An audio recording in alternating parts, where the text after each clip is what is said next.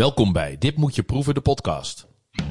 Tegenover mij zit Benjamin, voorheen chef-kok en inmiddels oprichter en eigenaar van Brouwerij Pronk in Leiden. Hij duikt graag in de oude recepten van Escoffier, is helemaal dol op oesters en vindt de airfryer gebakken lucht. En tegenover mij zit Willem, was chef, had een foodtruck, heeft een haat-liefde verhouding met jackfruit, loopt met een boog om pastinaak heen en raakt niet uitgekletst over de Ferrari pizzaoven. Samen maken wij de culinaire podcast Dit moet je proeven. Van frituren, etiketten en zomertruffels Tot Hollandse nieuwe, zuurvlees en paella. Je hoort het allemaal in Dit moet je proeven, de podcast. Welkom. Wat gaan we vandaag proeven?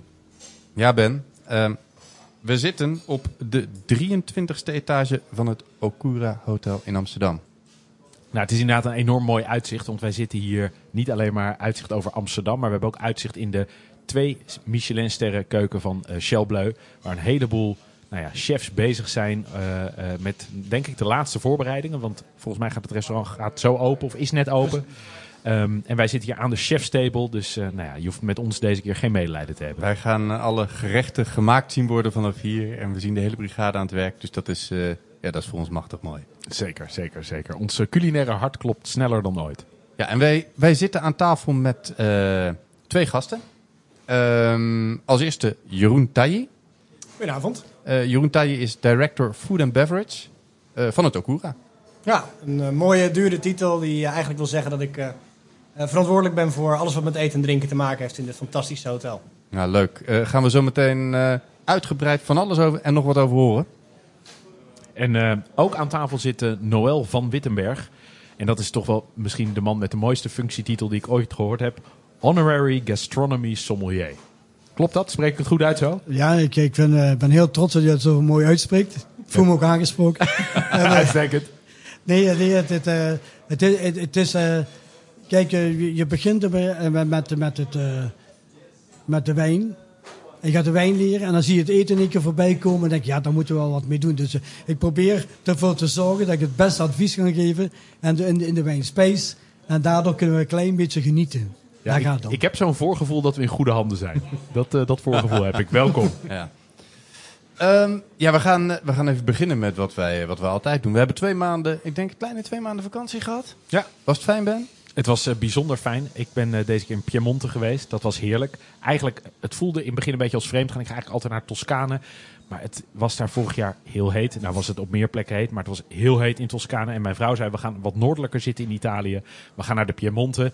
Nou, bij Piemonte denk ik aan truffels en aan Barolo en aan allemaal lekkere dingen. Dus ik was eigenlijk wel snel om. Ja. Ja, ja ik was snel om. Ja, ik was snel om. Ik heb het eh, heel fijn gehad en ook nog echt wel iets bijzonders meegemaakt. Ehm, nou, ik, we gaan altijd bezoeken we wel, wel wat wijnhuizen. En ik was met mijn zwager ook gek op wijn. En hij stuurt eigenlijk al een aantal jaar een mail naar Boerlotto. Misschien kent u het. Ehm, en eigenlijk, daar komt, elk jaar komt daar niks terug. Dus elk jaar een mailtje, geen reactie. Tot Gewo- gewoon om langs te komen. om of? langs te komen, Ja. ja. Eh, tot dit jaar. Eh, op 1 augustus hadden ze plek, de verjaardag van mijn zoon. Of we daar langs konden komen. Nou, prima. We kwamen met het beste gezelschap kwamen bij dat wijnhuis aan. Namelijk met vier volwassenen en vijf kinderen.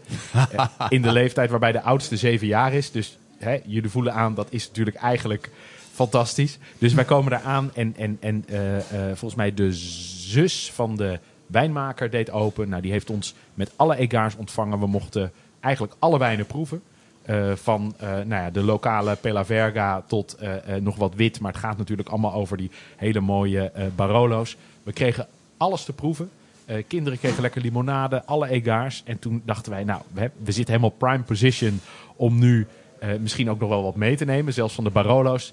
Eh, het korte antwoord was eigenlijk, alle wijn is op. We hebben alleen nog wat Pella Verga, wat, wa- wat jullie mee kunnen nemen. Heel lokaal aangeplante druif. Uiteraard, die wijn was ook fantastisch, dus daar hebben we een paar doosjes van meegenomen. Maar het was echt fantastisch om daar in die omgeving in het dorpje Verduno... om bij Boerlotto die wijnen te drinken. Dus nou, de vakantie was al geslaagd, maar dit was echt een eh, hoogtepunt. Ja, prachtig, prachtig. Nou, ja, ik, ben, eh, ik ben in Frankrijk geweest en in Drenthe. Heerlijk. Ja. In Frankrijk ook allemaal culinaire avonturen meegemaakt. Maar eh, culinair, nou, ik, weet, ik weet niet of het een culinair hoogtepunt was. Het was in ieder geval een culinair interessant punt. Afgelopen weekend was ik vier dagen bushcraften. Eh, met mijn vriend, met wie ik ook altijd op open vuur kook. Daar hebben mensen wel, eh, wel vaker wat over gehoord. Eh, ja, en bushcraft is eigenlijk overleven in de natuur. Dus wij kregen een overlevingspakket. met instant noodles, instant aardappelpuree. wat natuurlijk verschrikkelijk is. Maar goed, ja, je moet wat eten. Een zakje, een zakje droge nootjes. Lekker. Maar we kregen op dag twee kregen wij ook allemaal. ja, ik zei net in de voorbereiding zei ik kip, maar we kregen allemaal een haan. Eh, een levende haan om, eh, om te slachten, eh, om te braden eh, en om te eten. Eh, dus ja, dat was wel een avontuur. Ik had zelf, eh, ik, ik heb wel eens een, een gans eerder binnenste buiten gekeerd eh, met veren eraan. Maar een dier zelf slachten is toch wel weer een ervaring op zich hoor. Is dat next level? Ja, nou ja, het, eh, het doet wel wat. Het doet wel wat. Ja, het, het maakt je wel bewust. En het vlees smaakt echt anders. En Gedaan zonder twijfel? ik heb het gedaan zonder twijfel. Ja, ja, maar je merkte wel toen we daarmee gingen beginnen, want we waren met een groep van 14 mannen. Toen we daarmee gingen beginnen, werd het rustig. Je- er- er was wel heel veel respect voor de dieren eh, en respect voor het moment. eh, om dat toch op een goede, zorgvuldige manier te doen. Ja. Eigenlijk Ja. zoals het hoort, toch? Zou je bijna denken. Zoals het hoort, ja. Ja. ja, En het waren, het waren echt taaie beesten. Want je hoort wel dat ze, dat ze eh, nog doorspartelen, hè? Eh, als je ze dood hebt gemaakt. Ja, en dat, dat deden ze. Maar er waren er sommigen die dus echt vijf minuten lang nog hard... Die moest je heel stevig beest houden. En die waren hè, mensen met kramp in hun vingers van die beesten vasthouden. eh, terwijl de kop er al af was. Wauw. Dus ja. Ja, dus dat was wel een intense ervaring. Ja, en als je daarna ook het beest binnenste buiten keert. ehm, en het vervolgens ook opeet. Ja, dat was wel, eh, wel echt bijzonder om, eh, om te doen op deze manier. Wauw. Ja. Wauw. En Jeroen, wat, eh, we, hebben trouwens, we hebben trouwens afgesproken, Jeroen, dat we elkaar tutoyeren in deze Zeker. podcast. Ja. Ehm, eh, dus bij deze. Ehm, Jeroen, wat, heb jij, eh, wat is jouw meest recente culinaire nieuws? Nee, ik ben nog niet recent op vakantie geweest. Dat staat nog eh, in de planning voor de komende weken. Eh, maar de afgelopen paar eh, weken en maanden vooral veel culinair inspiratie gezocht samen met Arjan. Eh, dus de Arjan Speelman van Shell Bleu. Zijn we naar allerlei verschillende restaurants geweest om ons echt te laten inspireren. Wat, doet de, wat doen onze conculega's? Want wij zien dat niet als, als, als competitie, maar wij zien dat echt als oké, hoe kunnen we van elkaar leren? Dus we zijn bij Spectrum geweest in het Waldorf Astoria. We zijn bij 2 in 2 geweest. We zijn bij Hertog Jan geweest in Antwerpen in de Botanic Sanctuary. Uh, en juist bij die Botanic Sanctuary was echt wel een bijzondere ervaring. Een restaurant voorheen drie sterren. Uh, nu ze in het hotel zitten naar twee sterren. En met name hoe zij de hele service flow deden uh, was, was zeer bijzonder. Er werd één gerecht werd er in de keuken geserveerd. En dat is anders dan de chef's table waar wij hier nu aan zitten. Je kwam daar in een soort cocon te zitten die heel strak op de keuken stond. En dan kreeg je eigenlijk de, iets uit de tuin van de chef. Dat was een heel mooi groentegerecht wat we kregen. Uh, maar de chef vertelde dat met zoveel passie en zoveel verhalen van hoe hij vroeger die smaken heeft, uh, heeft ervaren. En hoe hij dat ook met ons wilde delen. Juist die passie die hij wist over te brengen, ja, gaf ons ook weer echt heel veel energie om ja, ook onze gasten die passie uh, die wij zo ervaren ook weer terug te geven aan hen. Wauw. Ja. Wat, wat, vinden zij ervan dat jullie, als, als jullie daar dan komen? Oh, dat vinden ze altijd wel, wel, wel, wel aardig. Ik denk dat ja, men is gewoon trots op een eigen product. De, ja. Ook als wij hier uh, collega-chefs krijgen of collega sommeliers of kelners krijgen, doen we uit, juist ons uiterste best ook om hun echt een perfecte ervaring te geven. We voelen ons daarbij niet van, oh, er wordt hier gestolen. Nee, we vinden het leuk om elkaar te inspireren, elkaar uh, te laten zien hoe wij het doen. En het is alleen maar een eer als dingen eventueel gekopieerd worden. En kondig je dan aan dat je hè, als ja. Jeroen Taï als F&B ja. director komt of, of, of, of reserveer je anoniem? Nee, nee, ik reserveer juist ook met de naam van Arjan. Want Arjan zijn naam is natuurlijk nog veel bekender dan die van mij. Um, en juist als hij binnenstapt zouden ze hem meteen erkennen.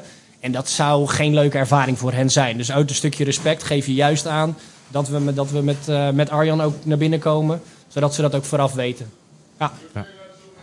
Mooi. En meneer Van Wittenberg, voor u, wat, wat is uw, uw meest recente culinaire ervaring? Nou, ik, ik, werd, ik werd verleid uh, voor naar Brussel te gaan. Ja, dus toch, toch waar ik uh, toch een kleintje het landje waar ik vandaan kom. En in Brussel was een uitreiking van, uh, van de Gomio, ik vergeet het nooit meer, Gomio, met de beste wijngaarden van België. Beste wijngaarden van België. Ik denk, ja, toen ben ik dan ben, naar Hageland gegaan. Naar Hageland. Dat is eigenlijk tussen Leuven en Tiene en, uh, uh, en Tiel. En daar hebben ze dus eigenlijk leemgrond. En daar hebben ze een Dongenvelder gecombineerd met een Pinot Noir. Ik denk, nou, en dan proefde ik dat. En dan proefde dat liquoreuze, zoethout en zo. Maar ik, vond, ik was echt aangenaam verrast. Ik denk, hoe kan dat nu? Je ziet dat je toch eh, meer trend krijgt van Nederlandse en Belgische wijnen. Dus ik ga dat toch een klein beetje met argusogen volgen. Ik vind het toch wel spannend, weet je. Ja. Dus, dus dan ben ik daar gaan bezoeken. Ik vond het wel aardig. Dus ik was er naartoe geweest. En ehm, ja, dat inspireert me dan wel. Maar dan ga, ik, dan ga ik naar het zuiden van Nederland. Ga ik even kijken. En ik was helemaal trots. En ik denk van ja... Ik denk, maar Nederland hebben ook mooie wijngaarden. Dus we gaan naar Wijngaardsberg. Daar hebben ze Pinot Noir. Zit de hoogte van de Aar. En die maakt dan die Pinot Noir. En dan is een beetje van klein kersenfruit. Met die man gepraat. Nice. Zo helemaal integer. Weet je, zo echt zo'n artiest. Hè, zo noemen we dat dan. Hè. En die zit dan met die wijnen. En die zit dan over die, over die cultivering van die, van die wijnen en die wijngaarden. Ik vond het wel fascinerend. Ik zeg, nou, ik zeg... Ik zeg al tegen die Belgische collega's, laten we dan maar even zorgen dat we ook een platform hebben voor Nederlandse wijnen. Dus eigenlijk heb je in Hoevengaarden een pop-up restaurant van Mes Amis in het midden van die wijngaarden en dan proeven ze die wijnen daar. Kijk, kijk dat Ja, was een ja, mooi begin. ja. Dus ik dacht van, ja, laten we daar maar mee, eh, mee beginnen. Ja. En, en, en komen dat soort wijnen dan hier ook op de kaart? Ja, wij gaan er eh, sterk aan werken, Ja. dus ik moet een goedkeuring krijgen van mijn F&B-director. Dus daar gaan we heel veel regelen. Die zit Zeker. ernaast te lachen. Nee, maar ik wil het wel een beetje op de kaart zetten. Een beetje wat Belgische en Nederlandse wijnen vind ik ook wel dat het een platform verdient, ja. Ja. Want, want bent u nu van mening dat het niveau, hè, even Benelux wijnen, dat dat, dat dat op een niveau komt dat je dat hier kan serveren? Ja, weet je, dit is, kijk, hè, in het begin ja, heb je natuurlijk een, een eh, hoe noem je dat, een ontdekking, eh, creëring, uh, Apostel was dan een van de Ja, eerste. Hè. En nu ga je, je hebt veel wijngaardeniers, ook fruittelers, wijngaardeniers. En dan komen dan de professionelen. En hoe komen die daarbij? Dan gaan ze de, de, stagiaires laten naar hier komen uit Frankrijk en overal. Die ook, die, die- ook dus de, het wijnmaken leren. En die komen dan stage daar lopen. En die brengen Ja. dan die kennis bij. Ja, dus ik denk van ja, ja, we, ja, we zijn er klaar voor. We gaan het wel doen. Ja. Ja, en ik denk dat het ook wel helpt dat we meer zonuren in Nederland hebben. We hebben Ja. het natuurlijk altijd Ja. over de klimaatverandering. Ja. Eh, en we zien dat natuurlijk het aantal zonuren in Nederland ieder jaar meer en meer wordt. En dat komt ja, in ons geval eh, de, de wijnteelt zeer ten goede. Ja, nou, ik, ik, ik hoorde al dat de eerste wijngaarden nu in Noorwegen zijn aangeplant. Ja, inderdaad. In het ja. zuiden van Noorwegen. Ja, ja, ja. Ja. ja, ja. Dus, eh, Maar Ja. ik ben blij dat we het hier ook op ja, ja. Ehm, misschien even voordat we wat meer over jullie gaan horen en over jullie achtergrond en over Okura eh, en Chalbleu. Eh, misschien even goed voor de luisteraars om even kort te schetsen wat we eh, gaan doen vandaag. We beginnen dus zo meteen met een korte introductie eh, van onze tafelgasten. We hopen dat er misschien straks nog wat ruimte is dat chef Arjan Speelman, maar goed, die is nu nog heel druk bezig in de keuken, ook even kan aanschuiven. Dat zou heel leuk zijn. Ehm, en na een introductie is het de bedoeling dat we drie gerechten die hier op de kaart staan, dat we die eh, één voor één, ja, ik zeg maar even binnenste buiten gaan keren. Eh, wat zit er allemaal in? Eh, wat maakt die combinatie zo bijzonder? Wat voor unieke producten zitten erin? Ehm, en vervolgens ook, hoe combineer je dit dan met de wijn en met welke wijn combineer je dat dan? Ehm, ja, dus dat is wat we vandaag gaan doen. Ehm, wat mij betreft nu leuk om even kort een, een introductie te doen van, van Jeroen. Wat, eh, we zitten hier nu in Okura, eh 23e etage Amsterdam. Hoe, eh, hoe ben jij hier terechtgekomen? Wow, dat is een, eh, is een wat langere weg geweest. Ehm, ooit begonnen in, eh, in Noordwijk, eh, bij de Hotels van Oranje. De eerste ervaring eh, als eh, medewerker daar in een vijfsterrenhotel. Dat eigenlijk gedaan na de middelbare school en ik raakte eigenlijk wel verliefd met het vak. Eh, ook niet helemaal wetende wat ik wilde gaan studeren. Dus ik heb eigenlijk een, een jaar genomen om eigenlijk daar fulltime te gaan werken. En dat heeft me eigenlijk toen doen bewegen om echt voor hotelmanagement te gaan kiezen en ook echt mijn carrière daarin te gaan voortzetten. In, in wat voor rol ben je daar begonnen? Eh, ik ben daar begonnen eh, in, de, in de housekeeping. Dus echt met een bezempje eh, op de boulevard het, het zand weg te, scha- weg te schuiven. De restaurants te dweilen. de ramen te lappen. Dus echt onderaan de ladder, ladder begonnen. Daarna wat doorgroeid richting, al snel richting de F&B. Dat lag me toch wel, lag me toch wel het meest. Eh, juist de dynamiek die daar plaatsvindt. Ook eh, de, interactie die je hebt met je gasten. De creativiteit van de mensen waarmee je werkt. Sprak me toen al heel erg aan. Eh, hotelschool toen gaan doen. Wel blijven werken nog in Hotels van Oranje op dat moment. Ehm, daarna wat andere stage gelopen. Even gesnuffeld aan over dit roomsgedeelte. Wat, hoe dat was. Nou, snel achterkomen dat F&B echt wel mijn, mijn passie is. En waar ik de meeste energie van krijg. En wederom die dynamiek die die afdelingen geven, ligt mij gewoon heel erg. Mag ik je wat vragen, Jeroen? Want je, Zeker. hebt het, hè, je hebt het over F&B. Ja. En hè, dat staat voor food and beverage. Ja. Maar ik denk dat mensen bedenken, in een restaurant heb je Nou, heb je mensen in de keuken en je hebt mensen in de bediening. En Ja. je hebt mensen, maar bij een hotel wordt dat dan F&B. Wat betekent dat food and beverage? Wat, wat, wat is dat eigenlijk? Het is eigenlijk meer overkoepelend. Dus ehm F&B behelst zowel de restaurants, maar we hebben bijvoorbeeld ook een hele grote eventsafdeling in dit hotel, waarbij we eh, grote congressen plaatsvinden, grote galadiners plaatsvinden. We hebben het ontbijt, we hebben de roomservice, we hebben de minibar. Dus het is wat meer omvattend dan alleen het restaurant. Dus Al ieder- die dingen zitten erin. Ja, dus eigenlijk het, het restaurant heeft zijn eigen manager. En die managers hebben, eh, rapporteren uiteindelijk weer aan iemand erboven. Ja, en uiteindelijk ben ik dan degene die daar dan weer, eh, daar weer boven zit. Dus om dat eigenlijk ook te zorgen dat al die verschillende afdelingen ook goed met elkaar samenwerken. En dat daar een goede chemie tussen die afdelingen is. Ja, mooi. Ja. Ehm, ja, uiteindelijk eindstage gedaan in eh, Amsterdam. Eh, daar blijven hangen. Een aantal hotels gedaan, waaronder ook het Krasnopolski. Eh, eerder daarvoor nog, eh, voor het Krasnopolski moet ik eigenlijk zeggen... dat ik eerder in Okura heb gewerkt. Van 2010 tot 2013. Verantwoordelijk geweest als eh, event manager. Ehm, En, de- en dat was dan na je opleiding? dat was na mijn opleiding. Ja. Ik ben mijn opleiding eh, afgerond in 2004. Eh, en toen ben ik gaan werken, dat is misschien wel leuk om te vertellen. eh, gaan werken in het Radisson Blue, een niet heel bekend hotel. Maar iedere avond stond ik daarbij, eh ging ik met de nachtbus naar mijn auto toe. Want die moest ik buiten Amsterdam parkeren. En iedere keer als ik daar op de nachtbus stond te wachten, stond daar ook altijd een kleine heer die ook op diezelfde nachtbus wachtte. En dat is eigenlijk het eerste moment dat ik meneer Van Wittenberg heb leren ontmoeten. En daar raakten we met elkaar aan de praat, omdat wij, ja, wij stonden steeds samen bij die nachtbus. Nou ja, na vier, vijf keer begin je elkaar eh, aan te spreken. En goh, gezellig, hoe is uw avond geweest? En zo lang gaat onze geschiedenis eigenlijk al, eh, al terug. en we zijn pas later met elkaar gaan samenwerken. Toen ik dus in 2010 hier in, eh in Okura te werk kwam. Ehm, nou, daarna dus Krasnopolski gedaan. Daar de hele herpositionering van het hotel gedaan. met nieuwe concepten geopend. Ik heb daarna anderhalf jaar in Bangkok gezeten. Waarbij ik ook director of F&B was. Groot hotel. Eh, zeven restaurants. Eh, ook daar weer eh, ja, de, de eindverantwoordelijkheid gedragen. Helaas kwam er toen een, een virus de wereld in. Wat voortijdig einde maakte aan het avontuur in Bangkok. Teruggekomen naar Nederland. En eigenlijk midden in de coronatijd gevraagd of ik terug wilde komen in Okura. En dat was in eh, 2020. Dus eigenlijk sinds 2020 ben ik weer, weer terug in, in Hotel Okura Amsterdam. Waar ik ja, met heel veel plezier en heel veel passie dit vak uitoefen. En zeker, ja, binnen Nederland is er geen mooier hotel voor mij dan Okura. En dat is niet omdat ik daar werk, maar de, diversiteit, de hoeveelheid restaurants, de grootte van de events die we doen, dat vind je nergens anders. Ja, ja want, want eh, echt ook de, de omvang en die diversiteit, dat is voor jou waarom het zo bijzonder is? Of is Omvang, diversiteit, niveau, eh, maar ook de, de, de passie die er hier heerst eh, onder, onder de mensen. Eh, het is een heel bijzonder hotel waarbij ehm, we meer dan 30% van de mensen werkt hier al langer dan acht jaar. Dat geeft wel aan, die loyaliteit die mensen Ja. aan dit bedrijf hebben, eh, geeft ook echt wel aan dat dit een heel bijzonder bedrijf is om voor te werken. Eh, en het geeft ook aan dat het vak eigenlijk nog wel heel mooi kan zijn. We hebben natuurlijk veel negatieve berichten gehad over de horeca de afgelopen jaren. Ja, en ik denk dat wij echt wel een uitzondering daarin zijn, waarbij wij echt wel laten zien dat het ook op een gezonde manier kan, zonder de, de 80-urige werkweken, zonder de, het geschreeuw in de keuken. Ja. we zitten op dit moment in de keuken. Nou ja, en er wordt nu niet gespeeld dat er, eh, dat, dat, dan anders. We De draaien vanavond gewoon servies. precies. Eh, het is gewoon een, een, een reguliere avond, eh, Ja, ja. zoals we dat altijd kennen. En dat is denk ik het mooie in dit bedrijf. Het is een goed bedrijf eh, waarbij je op topniveau met elkaar kan presteren. Waarbij we ook met, zoals gezegd, met heel veel gepassioneerde mensen werken. Zoals meneer Van Wittenberg, zoals Arjan Speelman, maar ook onze Japanse collega's in de Japanse restaurants. Eh, de mensen bij de receptie zitten ook al heel lang, een aantal hier. Is een mooie mix daarin. En juist dat stukje kwaliteit is ook iets wat, eh, wat mij heel erg bij mij past. Ja, wat, wat, ik, wat ik leuk vind, want hè, jij werkt hier en je hebt hier een bepaalde functie. En dat jij enthousiast bent over Okura, dat is natuurlijk hè, logisch. Ik heb hier een aantal keer, nou, ik zou bijna zeggen, mogen eten.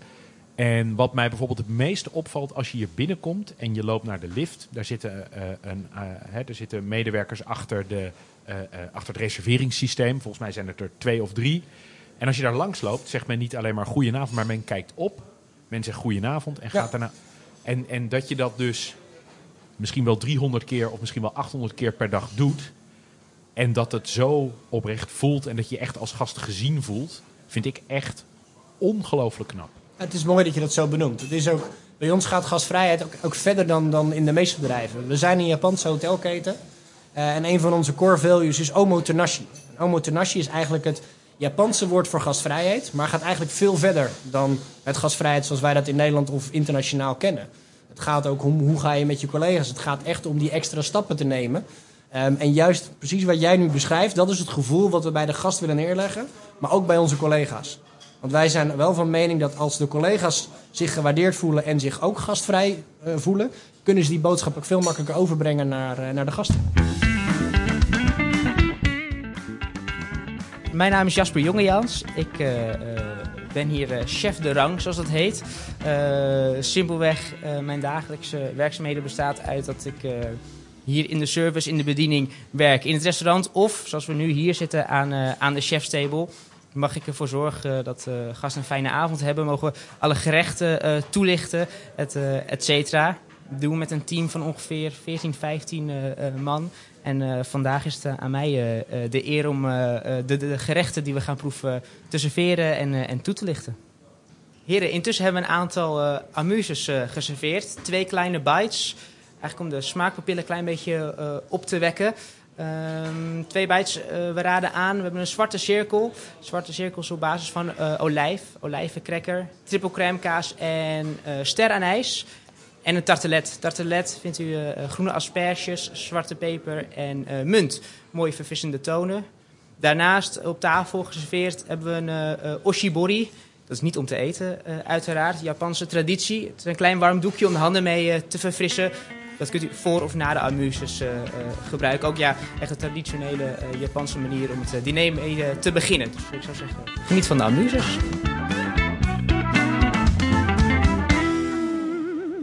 Nou, de bites die eh, Jasper heeft neergezet, eh, wekken inderdaad. eh, nou ja, de smaakpapillen zijn helemaal gereset, zijn helemaal klaar voor het, eh, voor het mooie menu. Ja. Helemaal opgewarmd. Ehm, alle twee heel anders. Heel mooi. Eh, en we drinken hier een eh, slokje witte bourgogne bij. eh. toch, meneer Van Wittenberg? Hebben, Ja. we, hebben we dat goed? ja, maar ik dacht van laten we dan maar mee beginnen. Ja, Ja. ja. laten we mee Het is beginnen. geen straf ook, hè? Nee, nou, weet je, weet je, dus die eh, witte Bourgogne. Eigenlijk, eigenlijk heb je een. Als je witte Bourgogne neemt, heb je verschillen. Je hebt een. eh, je hebt het plateau van Valois noemen we dat. Nee, je, komt van Dijon, je komt zo naar beneden, heb je de Beaune. En waar het de Beaune begint, eigenlijk stopt ook het gebergte. En dan krijg je plateaus van Valois, zijn lijststenen plateaus. En net op die hellingen, dan liggen die wijngaarden. Maar de- deze Bourgogne is een Meursault-stijl. En dat merk je ook aan de smaak. Heel licht genuanceerd, een beetje wat rokerige wat erin zit. Maar toch heeft hij die fijne acidity. Dat linie karakter, weet je. En dan proef je hem naar achter gaan, dan proef je die minerale structuur. En daardoor vond ik, vond ik dat wel best aardig voordat wij de proeven. Ja, best aardig. Ja, dat dat dekt de lading wel, hè? Dat Ja, dekt zo de is het, lading, ja, ja. ja, Ja, die eerste eh, amuse, die, eh, die, die proefde bijna pure chocola ook. Ja. Nou, weet je, we hadden dat nu ook speciaal gedaan. Want die eerste, dit inderdaad dat chocola. Een klein beetje dat zilte, dat zoute karakter zit erin. Dus daarmee moesten we dat er ook zo bij doen. En toch moet je dan met die asperge meegaan. Dus Ja. dacht van, en dat vegetale karakter zit er nog achterna. En dit is ook een Clos de Murzé. Hè. De is eigenlijk een om, om, eh, omringde wijngaard. Maar die Clos, ik heb er nooit zo bij stilgestaan. Maar hoe kom je aan die Clos? Vroeger was het niet, er was niet alleen voor af te bakenen. Nee, ze gingen de wijngaarden ontstenen. En die wijngaarden ontstenen, had geen auto of zo. Alleen maar, ook geen tractor. Je had alleen maar de wagen en, de, en het paard, dat was het dan. Dus gingen ze ontstenen, gingen ze op elkaar stapelen. Ze dachten, nou, laten we dat op de grens doen. Maar onbewust krijg je dan hetzelfde microklimaat aan de buitenkant van die wijngaard. In die klon als in het midden. Waarom? Als je een normale open wijngaard hebt en dan gaat de wind er langs, dan heb je het buitenkant erosie. Dus die druiven is een klein beetje verduurd ten opzichte van het midden van de wijngaard, waar je microklimaat hebt, daar is het warm. Dus wat krijg je dan? Twee ongelijke elementen in diezelfde wijngaard. Omdat je verschillende plots hebt. In dit geval heb je het meer egaal, waardoor de buitenkant even rijp is als de binnenkant. En dat geeft dan balans in die wijn. Wat mooi. Wat mooi. Heerlijk, heerlijk. Ehm, ja, we zeiden al, die eerste amuse was ook echt om, eh, om op te warmen. Hè? Ja, Ja, ja, ja. Nee, we, zijn opgewarmd, denk ik. Ja, we, Ja, de smaakpapillen zijn, eh, staan, staan zijn- helemaal zijn- open nu. We zijn er Ja. helemaal klaar voor. Ja. Ehm, ja, meneer Van Wittenberg, hoe komt een Vlaming, denk ik, Ja. toch? Ja, Ja, ik, ik, ja. ik loop even op eieren. Ehm, hoe komt een Vlaming hier terecht op de 23e etage van het Okura Hotel in Amsterdam? Ja, dat is een eh, lang traject. Hè. Ja, is dat een lang traject? Ja. Nee, ik kwam eerst in Nederland terecht. Ik had een eh vriendinnetje toen de tijd. En eh, die woonde in Woudenberg. En eh, die dacht van ja, als je dan toch komt, laten we maar direct actie ondernemen. Dus ging ik het eerste werken bij Vermeer. Daar heb ik een jaar gewerkt. En In het Barbizon Palace Hotel. in de Barbizon? Ja. Palace, ja. ja. En dat was ook bij Pieter Bollema, ik weet het nooit meer. Dat was toen de, de, de directeur.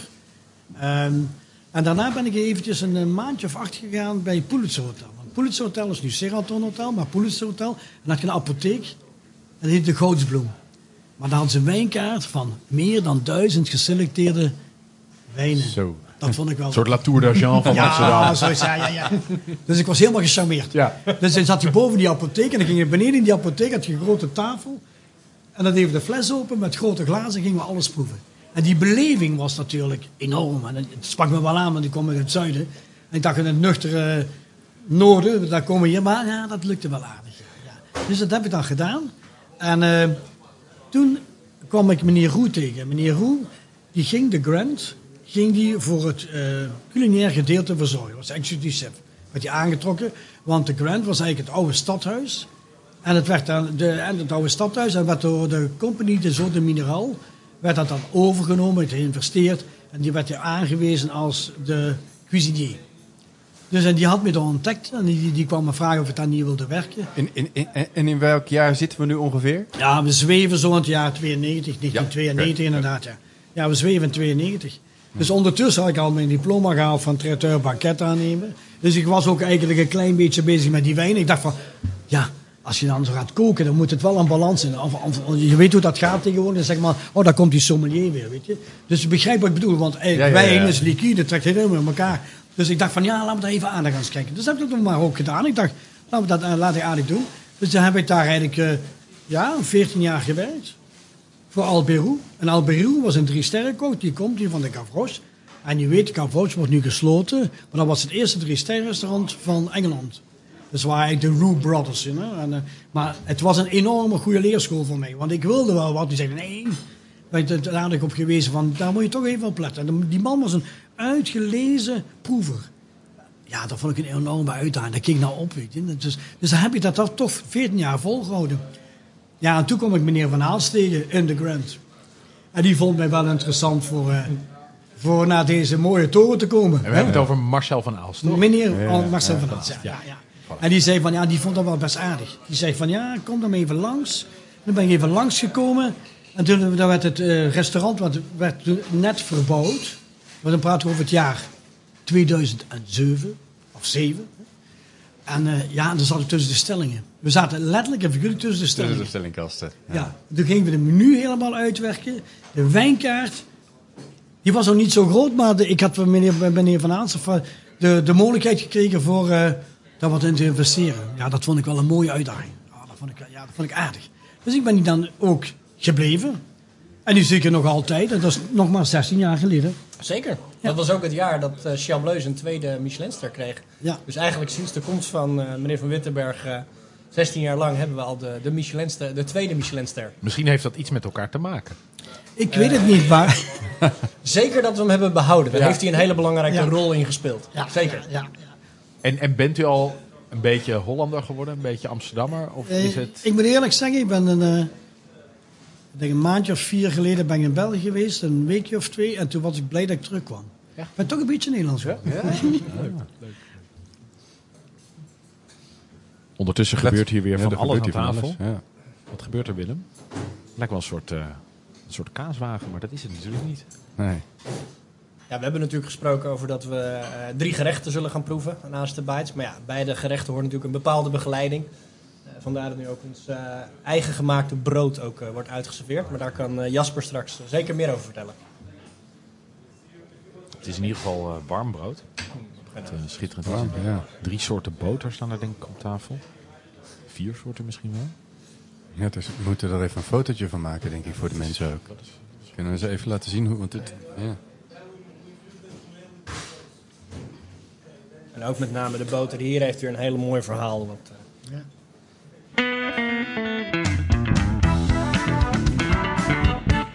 eh, ja, zoals Jeroen al heeft eh, eh, toegelicht, naast de gerechten hebben we ook uiteraard brood. Alle broden worden hier in huis gemaakt door, door de chefs zelf.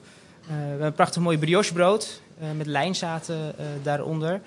Ehm, brioche maken we onder andere met marigold ei. Ei afkomstig uit, uit Limburg. De kippen krijgen enorm veel ruimte en ze krijgen marigold eieren, marigold bloemen te, als voer. Dat zorgt ervoor dat het eigeel eh, ja, echt goudkleurig is. Heel mooi rond, heel mooi rijk. Wat uiteraard perfect eh, past om eh, eh, voor brioche te gebruiken. Eh, olijfolie, prachtig mooie Italiaanse olijfolie. Eh, leuk detail, de olijfolie komt uit Molise, oostzijde van Italië. Dat is eh, puur toevallig. Eh, ook exact de regio waar onze manager, onze eh maître d'hôtel Francesco eh, vandaan eh, eh, komt. Olijfolie gemaakt door eh, Marina Colonna, hele mooie rijke stijl. Komt er simpelweg door dat de olijfolie ja, als het ware wordt gerijpt. Als extra vierge olie nog eh, ja, heel jong is, is het heel een klein beetje grasachtig van smaak. eh, een klein beetje bitter en wellicht iets te bitter. En naarmate de tijd vordert, wordt die olijfolie even iets zachter en wat delicater van smaak. En ja, zojuist hebben we ook onze boterpresentatie gegeven. In het restaurant serveren we vier verschillende boters. Eh, alle boters zijn gemaakt door meneer eh, Jean-Yves Bourget, een botermaker in uh, Saint-Malo, heel klein dorpje in Bretagne. Eh Burg Bourget. Eh, meneer Bourget is in Frankrijk echt een botergod. Ja, als je in Frankrijk een botergod bent, nou, dat, wil wel wat, eh, wat zeggen natuurlijk. Eh, aan de zijde hebben we ongezouten boter. Op die manier kunt u als het ware de signatuur van de botermaker eh, eh, proeven. De boter wordt geperst om al het laatste beetje karne, al het laatste beetje vocht eruit te duwen. Dat ook echt een hele mooie, ja, rijke smaak. Ehm, en verschillende smaken boters eh, geserveerd. De boters eh, eh, snijden wij altijd aan tafel. Op die manier krijgen de boters toch wel ja, een beetje de aandacht die het eigenlijk verdient. Het is vandaag de dag bijna niet meer te doen om aan deze boters te komen.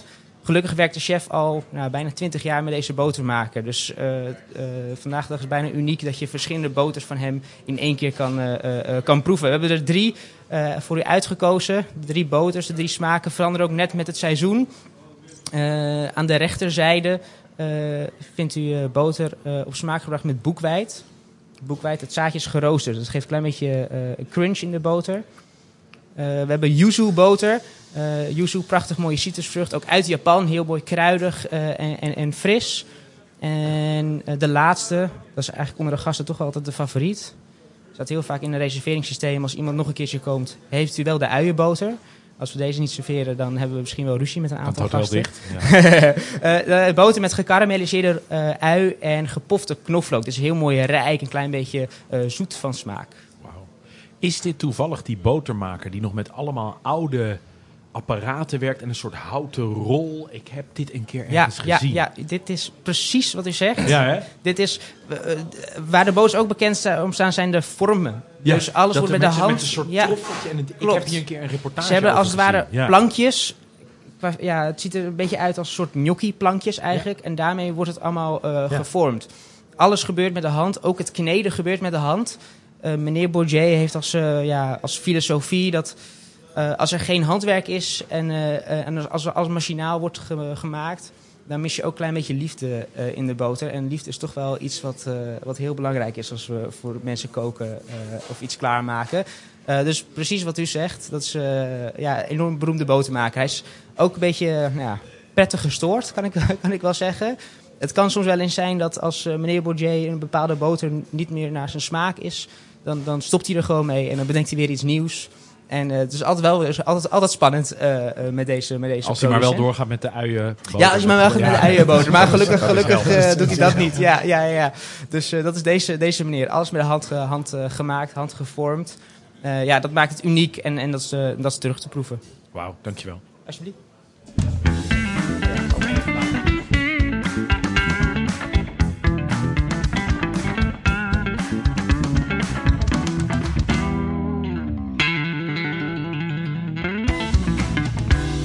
Wat vond je van de boter?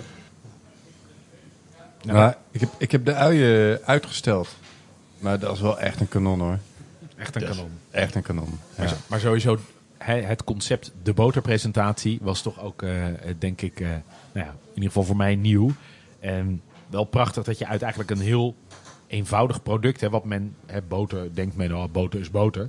Maar dat je dan zoveel verschillende smaken eruit haalt, is wel echt eh, schitterend. Ja, je proeft echt, eh, ja, jij zei dat net allemaal, echt dat gekarnde. Ja. En eh, eh, ze werden ook wel in de, het werd ook wel in de goede volgorde toegelicht volgens mij. Ik begon met die boekwijn. Ik denk, oké, dit is nice.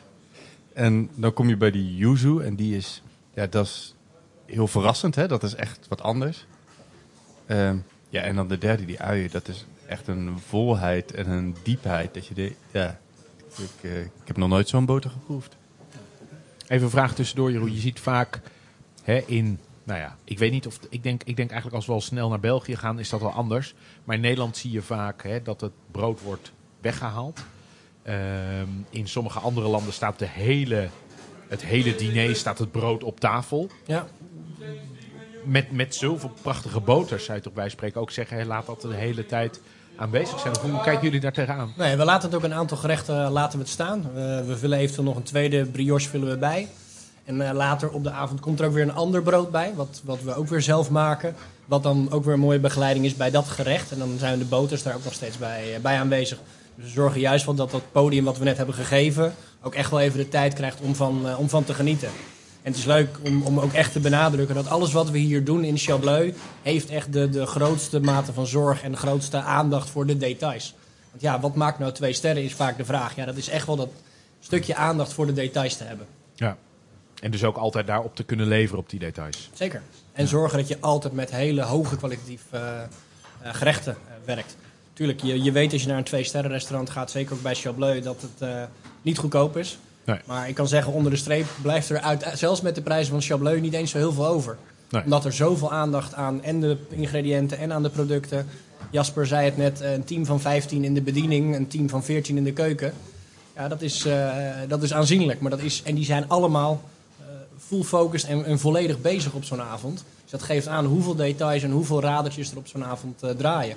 En hoeveel mensen kunnen hier nou op een gemiddelde avond eten in Chalbleu? Eh, we, we, we zoeken altijd een beetje een max van 40, 45 uit. Hangt even een beetje af van de, van de tafelsamenstelling. Ja, als het allemaal tweetjes zijn, we hebben 16 tafels, dan komen, komen we uit op 32. Maar we, ja, we aimen altijd een beetje op de 40 à 45. En daar kan dan eventueel nog de chefstable met 9 personen kan daar dan nog eh, maximaal bij komen. Ja, dus heb je twee derde persoon in eh, werken voor, voor één gast. Ja, ja, Ja. 29 mensen voor, eh, Ja. voor 45 gasten. Ja, ja, ja. Dus ja, dat geeft eh, echt wel aandacht voor detail eh, weer. Ondertussen krijgen wij hier iets prachtigs op ons bordje. Ja. Ja, dit ziet er echt fantastisch uit. Ziet er echt fantastisch uit. Komt nog iets bij. Wil je deze hebben, Arjan? Ondertussen is de chef ook eh, erbij komen staan. Arjan Spielman die staat ook te kijken wat er gebeurt. Nou ja, goed, waarschijnlijk weet hij heel goed wat er gebeurt. Dat weet ik wel zeker. Meneer Spielman, wat, eh, wat, wat hebben we voor ons? Eh, een van onze signatuurgerechten, tonijn. Blauwvintonijn, gevangen in Spanje. Daar is Sammy Wild opgegroeid. Eh, waarom blauwvintonijn? Eh mooie structuur, eh, vol vlees, eh, is niet bevroren geweest. Het is gewoon vers hier in Amsterdam wordt gesneden. Ik moet af en toe heen om eh, te krijgen wat ik wil krijgen. Daardoor krijgt u het bord waar het op gepresenteerd wordt. Dat is zeg maar de graad van een tonijn. De komende twee, drie vrij per week mag ik dus eh, gebruiken om schoon te maken en daar een, eh, een bord van te maken. We gebruiken zeg maar echt een centercut van een tonijn. Zodat je ook verschillende kleuren van een tonijn in je gerechtje ziet. Wat lichtroze, wat witter. Dat betekent dat er akami, dus heel eh, arm eh, stukje van een tonijn wordt gebruikt. Maar ook eh chutoro, dat vettig gedeelte waar je echt een mooi mondgevoel van krijgt. Dat hebben we verrijkt met caviar, imperial caviar. Om een beetje ziltige en biting te krijgen. Met eh notige smaken eraan. De dooier van ei die erbij zit voor vettigheid. En daarna is het eh tonijn nog kort gemarineerd in aged soja. En aged soja is gewoon een oudere soja. Die op een houten vat gaat, net zoals wijn. Waardoor die wat dikker wordt en eigenlijk wat stropiger. Dus niet zozeer zouter, maar gewoon geconcentreerder van smaak. En dan krijg je een beetje zo'n cedertoon erin. Wat je ook af en toe bij aceto balsamico, als die heel lang Ja, op zo'n ja, vat... ja, alleen die- dan niet zo Nee. heftig, maar gewoon echt dat je een beetje een rokerige smaak krijgt. En dat komt dus door de red ceder waar het in wordt gerijpt. Wauw. Klein beetje crème van nori eronder. Daarbij eh, wat crisp van nori, hè, zeewier. Om een beetje krokant mee te snoepen tussendoor. Mag ik één vraag stellen? Ja. Want zeker in het begin zijn er een aantal dingen. Je zegt van hè, ehm blauwvintonijn uit Spanje. Ja. Nou, dat vind ik, hè, dat, dat wist ik. Ik dacht altijd dat blauwvintonijn altijd uit, uit eh, Azië kwam. Nee, ze komen uit verschillende delen van de wereld. Alleen deze worden gevangen zeg maar, in één periode van het jaar dat ze net hun kuit hebben eh, uitgesprongen. Dus dan zijn ze eigenlijk heel mager. Dan wil je niks met die vissen. Die, die zijn helemaal niet smakelijk. Nou, die Spanjaarden die eh harvesten, dus die oosten ze. En die gaan ze eigenlijk gewoon vet voeren zoals soort chicken van de sea. Maar dan op echt heel gebalanceerd. En die worden gewoon op afroep wordt er gewoon ja, eruit gehaald. En die wordt eh, geslacht. De- en als is je de het uit. Japan hebt of uit eh, Amerika, is allemaal gevroren. Altijd. Ah. Altijd. Ah. Dat kan dus Anders krijg vers hier. Omdat vers, daarvoor kan niet krijgen. Ja. Terwijl ook deze mooie producten gewoon in de zit er zo'n tonijn in de business class. Dat is een beetje gek. Hè? Ja, ja, ja, ja, dat is een duur tonijntje. En, en het is de laatste jaren wel weer een soort van oké om, uh, om blauwvintonijn te oké, vissen, hè? omdat ja. het gewoon eh, Ja. een, een wildvangst is. ja. Die eh, bij elke tonijn binnen, die binnenkomt, ik heb die labels nu even niet, zit een label bij die een QR kan of zo. Dan kan je zien hoe oud die tonijn is, waar die Ja. gevangen is, hoe wat zijn gewicht was. Eh, allemaal dat soort dingen. Ja, nee, Ja, en, eh, nee, maar een, aantal jaar was het, was het ook echt bijna... Hè, was, was blauwvintonijn heel erg met Ja, maar uitsterven toen bedreigd, maar dat is de laatste jaren weer goed, hè? Ja, maar toen bestond deze techniek nog niet Nee, helemaal. nee, dat was nee. nog niet helemaal naar buiten gebracht, omdat ze nog een beetje in de beginfase waren. En toen waren eigenlijk alleen maar wild uit de zee aan het ha- harken, gewoon elk moment van het jaar. Ja, ja, ja. Ja, Wauw. Dank. alsjeblieft.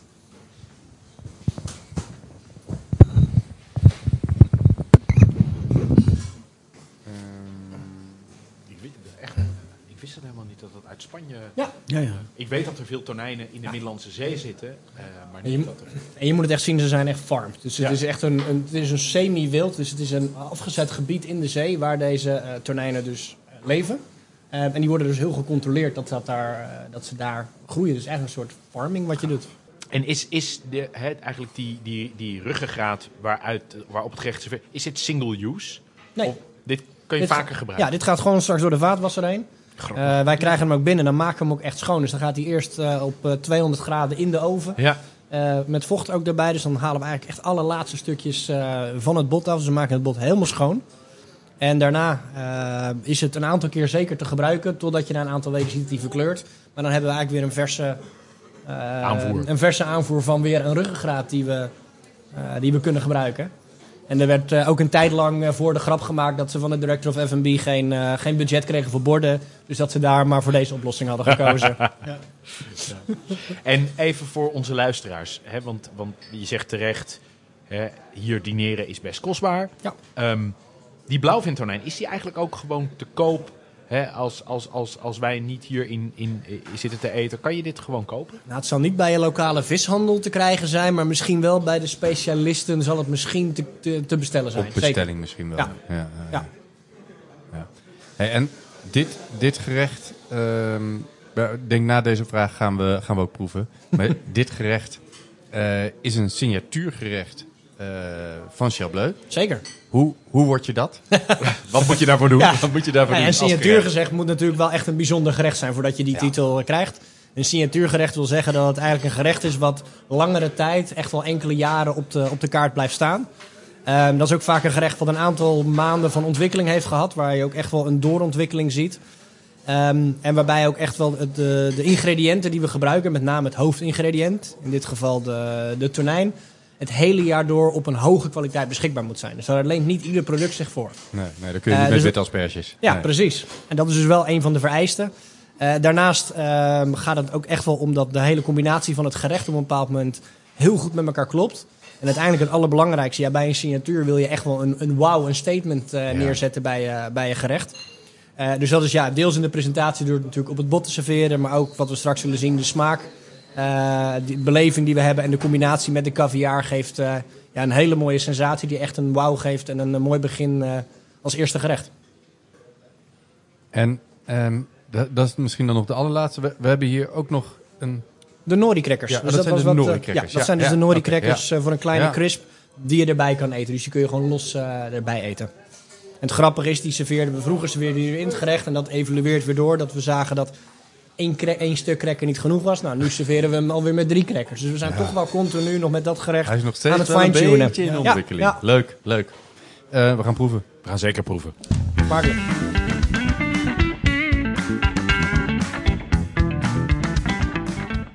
De botten zitten weer in de vaatwasser Ja, de botten. eh, momenteel. Ja. Nee, we hebben de blauwvintonijn geproefd. Ja, indrukwekkend. Indrukwekkend gerecht. Ja. Indrukwekkend gerecht, ja. Allereerste presentatie.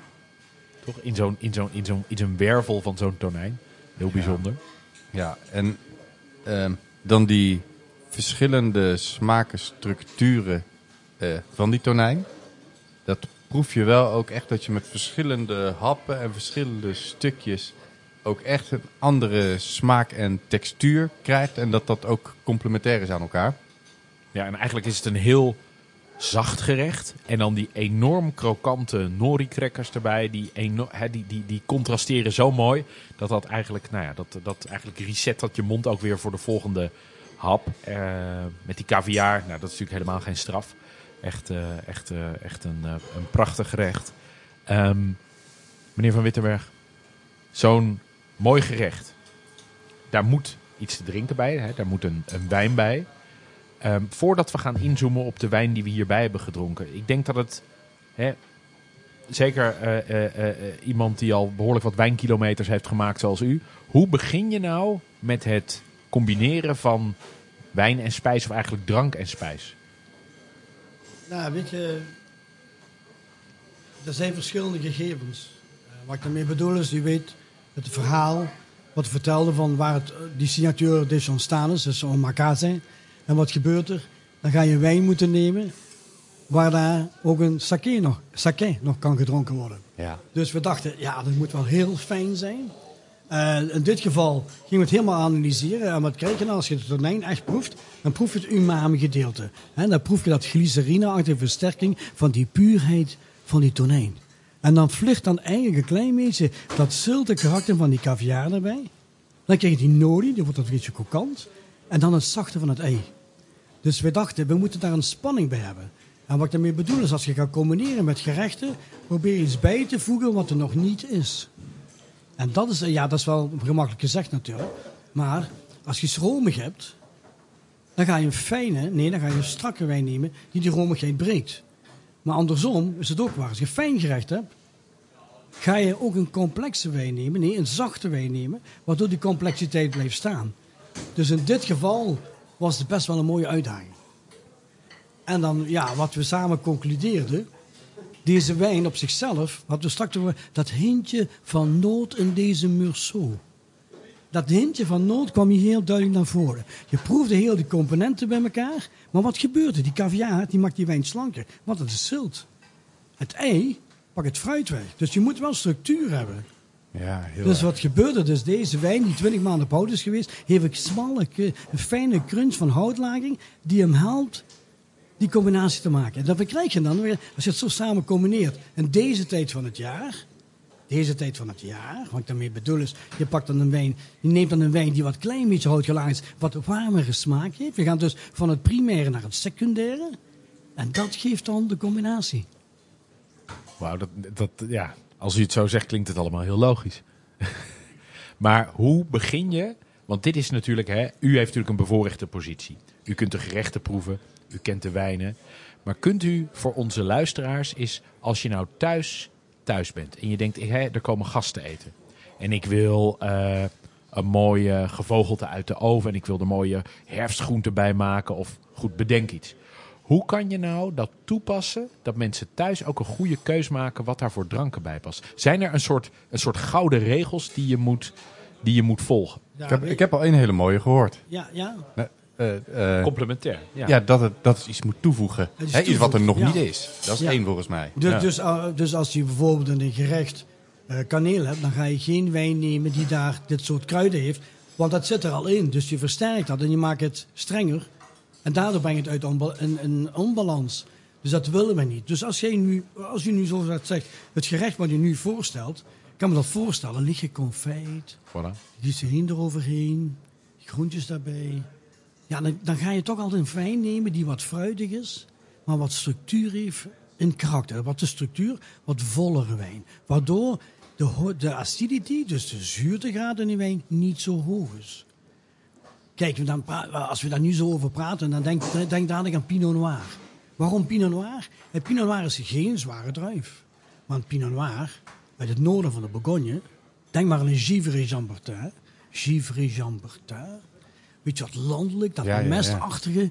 Dan denken we, ja, dat gaan we combineren. Warm met warm en fijn fruit. Waarom? Want het, eigenlijk het houtgelaagde en dat, dat, dat, dat secundaire van die wijn vlucht dan met die warme gere- noten van het gerecht eigenlijk. En het fruit blijft er even overheen staan. Waarom? Het neutraliseert elkaar en het fruit gaat er bovenheen. En daarom heb je de combinatie. Heerlijk. Je proeft het bijna, hè, als u het zo vertelt. Je proeft het bijna. Ja, ja. Ja, kijk, als, als je dan toch niet zoveel honger hebt en die vrienden komen. En het is nog een warme dag in september, je weet hoe het gaat, weet je. Dan pak je toch een mooie salade. Ja. En een mooie salade en dan pak je daar een Sauvignon Blanc bij. Sauvignon Blanc? Ja, tuurlijk, want zo'n druif heeft kruisbesjes, heeft appel, heeft frisheid. Je kunt je voorstellen, de glycerine van die tomaat Ja, ja. glutamaat. Hè? Dan een klein beetje eh radijsje erbij. Die salade. Croutons. En dan die wijn. Proef je dat? Ja, ja, ja. ja. Het is wel goedkoop uit eten zo met, eh, met, met, met zo'n mooi verhaal. Dan heb je gegeten en gedronken alvast. Hè? Nou, weet je, ja, ja, ja, je moet wel vluchten met de dingetjes Ja, ja. die je heeft. Maar u, wat, u, wat u ook zegt is juist, een handleiding is gewoon... ehm, eh, kijk gewoon het, het, het, wat aanvult aan uw gerecht. Dus je probeert uw gerecht, als je thuis bent en je, je ziet dat er warme tonen in zitten, probeer dan iets wat niet te groen is. Met niet te groen bedoel ik niet te, te, te fris. Want dan krijg je de versterking van de bitters van het warme van het gerecht en van je wijn van de frisheid. Dus dan, is het niet lekker. Dus probeer nog altijd die balans te zoeken, de aanvulling. Probeer het in, in dezelfde eh, not- notitie van ontwikkeling en warmte in je gerecht te combineren. En dan even terug naar de tonijn en naar het signatuurgerecht. Zoekt u daar nou ook een signatuurcombinatie bij? Is dat dan een bepaalde combinatie die je altijd maakt? Of kan dat met meerdere? Ik, ik, ik wilde in een verleiding komen voor wat te vertellen, maar nu met deze ben, je, ben ik uitgenodigd. Niet, ver- niet vergeten, eh, op een bepaald moment, dit signatuurgerecht loopt de hele tijd door. Dat is, daarvoor is een signatuur. In de lente gaan we geen Merceau schenken. Nee, dan gaan we een frisse Chardonnay schenken de Mâconnais bijvoorbeeld. Denk maar aan Pouilly-Fusé. Dat kan er wel bij, omdat je in die frisse toon zit. Hier zitten we nu een klein beetje tussen de zomer en de herfst. Je, en het regent buiten, het is gezellig binnen. Gezellig binnen. En het een klein beetje warmere smaak. Dus je blijft, eh, jij blijft altijd een klein beetje werken. Waardoor je eigenlijk een beetje met de tijd meegaat. En waardoor het gerecht zich aanpast aan het jaargetijde en aan het karakter wat wij willen. Dus er zijn eigenlijk meerdere combinaties die afhankelijk zijn van weer, setting, gevoel. Ja, het het is, de be- het is de beleving ook. Hè? Het is de beleving. En, en, en, en, en doen jullie dat dan alleen per seizoen? Of kan het ook nog wel eens... Oh, het regent nou zo hard. We trekken nu deze erbij. Nou, nou, weet, je wat het is? Kijk, u, u weet, u weet zo goed als ik, als het hard regent, ga je niet buiten. Dus het binnen wel gezellig. Ja. En dat is, wat, dat is wat we willen voelen. Ja, ja, en ja, dat ja. gevoel maakt de belevenis. En dan gaat u kijken wat u heeft thuis. En dan ga je het combineren. Ja, ja, ja, en dan gaat u kijken wat een beetje bij dat gevoel gaat. Als, ik, als ik een voorkeur heb voor frisse tonen en ik heb geen Sauvignon Blanc, oh, geef me dan maar een Riesling. Ja. Kijk, Ja? zie je wat? Ja, herkennen we ons daarin? Ja, tuurlijk. Kijk, dat is wat we willen. En als nou hier een gast binnenkomt en die zegt: Ik drink alleen maar sherry. Even iets heel geks. Ik drink alleen maar. Sherry. Ja. Of, of, of iets anders. Een gast misschien met een, in, in, hè, met een afwijkende voorkeur. Ja. U zult toch daar iets bij moeten bedenken, iets bij moeten maken. Hoe, hoe, vliegt u dat, hoe vliegt u dat aan als het buiten uw comfortzone is? Ja, het is zo.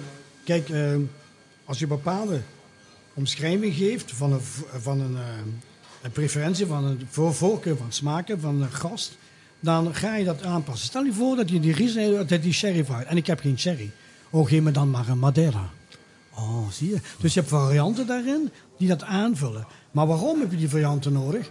Omdat anders, door gedurende het hele gerecht, de gedurende de ge- gehele maaltijd, bestaande uit verschillende gerechten, kun je dan, kun je dan eigenlijk meegaan in smaakopbouw, ondanks dat hij zijn voorkeur aangeeft. En daardoor blijf je toch in het gareel. Daardoor blijf je toch in die smaakcomponenten zitten, waardoor je het helemaal niet uit verband brengt en toch zijn voorkeur of haar voorkeur van smaken beantwoordt. Ja, wat mooi. En is er een combinatie die u eigenlijk altijd bij zal blijven? Dat hij zegt, nou, dat hebben we Ja. ooit gecombineerd en dat is zo goed. Of dat is... Als ik daarop mag inhaken. Ja, ik heb graag. een aantal proeverijen met eh, meneer Van Wittenberg mogen doen. En ik, er is er één die me altijd bij is gebleven. We hebben ooit een keer samen een proeverij gedaan. En daar ging het echt om mensen bewust te maken van smaken. En op dat moment had meneer Van Wittenberg had een combinatie gemaakt waarbij wij trekdrop kregen. Dus echt die ouderwetse Haribo Ja. trekdrop. En, en met, in combinatie met Cabernet Franc. En wat dat dan doet in, in het mondgevoel. Ja, het is, ja, meneer Wittenberg kan dat beter zelf uitleggen wat dat doet. Maar dat was een hele bijzondere ervaring. Die denk ik meer dan tien jaar geleden is, maar die mij nog steeds is bijgebleven. Ja, weet, weet je, weet je, als je, als je trekt opneemt, dan krijg je zo dat liquoreuze, weet je. Ja. Dat balsamico, hè, eh, stijl eigenlijk. eh. en ik dacht aan die Cabernet Franc, want Cabernet Franc leent zich aan wat warm bosfruit. Dat is zo echt het karakter van die druif. En die heeft ook altijd zoiets iets notig, iets bladeren. Kijk, met gefermenteerde bladeren in het bos, hoe ken je dat? Dat karakter, weet je. Ja. Dat zit in de structuur van die druif. Dus en daarmee dacht ik van, dit kan ik best wel combineren. Waarom? Omdat het dan net iets fruit heeft. Wat had ik tegen u verteld? Het neutraliseert elkaar in de warme tonen, waardoor het fruit overleeft. En dat is wat we weer kijken. Ja, zo deden we Chardonnay, hout gelagerd, nieuwe wijnwereld, Coppola, Coppola, San Francisco, ja, met eierkoek. En niet Die was zo toen snel. ook, ja. En, die was, en ik moet eerlijk zeggen, iedereen zat me aan te kijken van, Ja. ja, Wat zit hij nou te doen? nou, wat, is hij weer bij de Albertijn geweest? Oh, dat mag ik niet vertellen natuurlijk. Maar we zijn in, in, in, in de... Maar daar, daar kon ik het toen kopen. Maar je kunt het overal kopen natuurlijk. Maar ik vond het wel aardig. Kijk, en, en nu we dan toch over die sherry hebben... Jij bent toch een beetje geprikkeld, hoor. Ehm, ik, heb, ik heb in 2001 heb ik een wedstrijd meegedaan. Met een wedstrijd meegedaan. Had je een pan foie gras, Met een peer in kassis gemarineerd. Daar een klein beetje twieën tussen. Met een cream cherry saus. En daar had ik een amontillado medium dry van Sandeman geserveerd. En ik moet eerlijk zeggen, ja, geef me nog maar een tweede bordje. Wauw. Ik, ik, ik, ik had, hè, we, we hebben deze, we hadden van tevoren natuurlijk bedacht wat voor vraag. Ik had nooit bedacht dat we zouden uitkomen op trekdrop en Cabernet Franc. En eierkoeken. En eierkoeken. Ja, nee, dat was nog de mooiste, de mooie, mooie, mooie uitsmijter. Ja. Ja, maar ik denk dat dat ook de, de diversiteit van de gastronomie zo heel mooi weergeeft. En juist als je met zo'n expert werkt als met eh, meneer Van Wittenberg, ja, dan, dan kom je tegen dat soort mooie combinaties aan. En dan zie je ook wat mondgevoel en, en smaak eigenlijk met je kan doen. En dan ga je echt die beleving helemaal eh, op een nog andere manier ervaren. Maar je verwacht eigenlijk hè, op dit niveau bijna ook wel een soort kennis van de gast.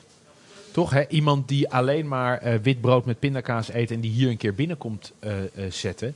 Dat, hoeft, dat hoeft op zich Nee, niet zozeer. We, we, hebben, we hebben eigenlijk een, een- een, nou ja, sec gezegd, een tweetal type gast. We hebben de, de gast die regelmatig eh, in, in, in fine dining e- eet en doet. En die hebben dus die kennis die je net beschrijft. Maar je hebt ook gasten die gewoon een heel jaar lang sparen. En dit misschien maar een aantal keren in hun leven meemaken. En die daar echt een hele speciale gelegenheid voor meemaken. En dan is het juist goed om een expert te hebben die je daarin kan meenemen. Zonder dat hij je overdondert met allerlei zware terminologie. Maar wel echt een, een experience en een mooie beleving meegeeft. En dat is wat we hier in Chableu eh, heel belangrijk vinden. Dat we echt al van tevoren heel goed weten wie onze gasten zijn. Eh, wat de reden is van hun bezoek. En, en al heel snel proberen een stukje achtergrond te vinden. Zodat we ons daar zoveel mogelijk aan kunnen aanpassen. Ja, ik Ja, vind het heel, maar, maar wat- wel grappig is, want ik ben in, ik zeg even uit mij over 2014 ben ik in Japan geweest. Toen ben ik ook in een sterrenrestaurant eh met een kaiseki-keuken gaan eten. Ja, Ehm, maar je kunt het niet op waarde schatten, omdat we het niet kennen. We kennen de structuren niet, we weten niet hoe het normaal smaakt. Ja, ja. ja. Eh, hè, dus het, het is wel een hele andere beleving als je het nooit doet of nog nooit hebt gedaan. Hè? Als je normaal Precies. inderdaad je boterham met pindakaas eet. ja. Eh, dus het is, het is wel een totaal andere beleving, denk ik. En Ja. eigenlijk zeggen jullie, nou ja, we weten dat allebei die gasten er zijn. Of al die, en alles daartussenin waarschijnlijk ook. precies. Ehm, en daar acteren wij naar. Ja, Ja. maar weet je, het, het is wel belangrijk, want eh, als sommelier ben je niet belangrijk, de gast is belangrijk. Het sp- spellenrol is anders. Men ziet vaak dat het andersom is. Nee, ik benadruk, de, de gast is belangrijk. We moeten gasten leren lezen. We moeten een paar echt recht toe, recht aan vragen stellen, waardoor je kunt analyseren wat hij wilt. En daar gaan we naartoe. Ja. En ik denk dat dus het huiswerk van ons is voor het aan te vullen. En dan gaan we alle twee samen met de glimlach naar buiten. ja. ja. En, en, en jullie doen voorwerk voor een gast? Zeker. Eh, en gedurende de avond anticipeer je ook op wat er gebeurt. Zeker. Ja, wij, houden zo, wij houden het bij van gasten, wat ze drinken, wat hun voorkeur is. Dus als gasten terugkomen, weten we al wat ze, de, eh, wat ze dus de, het vorige bezoek hebben gedronken. En dat vinden wij belangrijk, want Ja. als u binnenkomt en ik kan tegen u vertellen... Oh meneer, maar u heeft toch die Chardonnay gedronken? Dat was die Puligny Morasani. Kijk, en dan... En, dan het, is, een deel van de beleving. Het is een deel, Ja, en dan, dan kom je in die, in die comfortzone van die meneer en die mevrouw, zonder dat daar eigenlijk geduwd wordt. En dan kun je eigenlijk het leiden. En dan kunnen we zeggen, maar, ja, maar u weet toch dat verleden dat we die Puligny Morasani gedronken hebben? Wil je misschien weer naar deze kant of wil je iets anders? Mogen we iets voorstellen? Of wat denkt u zelf? En dat, dat, ja, dat, dat is het niveau wat we willen, toch? Zeker. Ja, een en- stukje herkenning komt hier heel erg bij ons terug. En wat wij ook doen, wij bellen al onze gasten twee dagen voor de reservering op om de reservering te herbevestigen. Dat doen we bewust telefonisch om even een gesprek aan te kunnen gaan met de gast. En dan gaan we nog even wat dieper in op de, de gelegenheid waarom mensen zijn gekomen.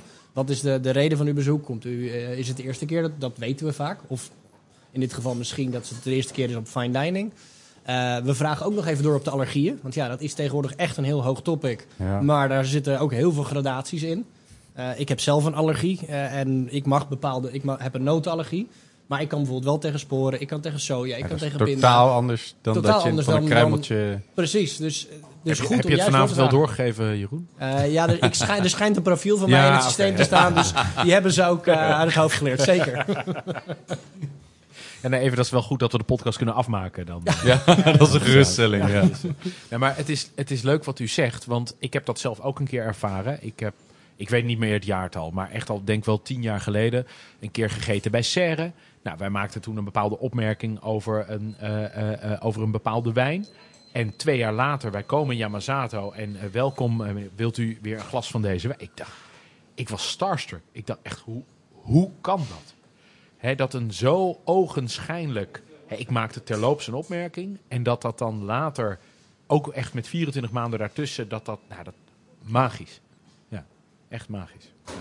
Ja, wij erkennen echt dat belang daarvan. En we zorgen dat we onze gasten juist willen we heel goed leren kennen. Eh, Er is een reden voor dat onze restaurants zoveel vaste gasten hebben. Omdat wij die vaste gasten ook juist die erkenning geven.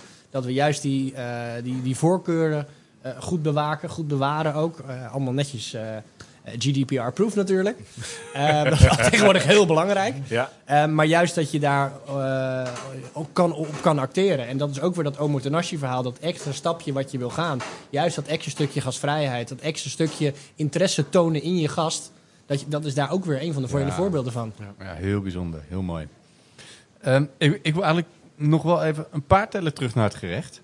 Ehm, als dat oké is. Eh, want jullie gebruiken eh, in de regel een specerij als uitgangspunt voor gerecht. Dat, was, dat hebben we jarenlang gedaan. Maar daar zijn we iets meer van Dat is een afgestapt. beetje flexibeler aan het Ja, worden. daar zijn we iets meer van afgestapt. Dat Ja. was, vroeger was dat echt wel een van de signaturen die we deden. Ehm, dat heeft wel mee te maken dat we in 2021 een chefswissel hebben gehad. Voorheen hadden we een chefsduo. Was het eh, Arjan samen met, eh, met Ja. een chef die het deed. En sinds eh, begin 2022 eh, is Arjan alleen verantwoordelijk voor Chalbleu geworden. Nadat hij hier al 20 jaar eigenlijk staat.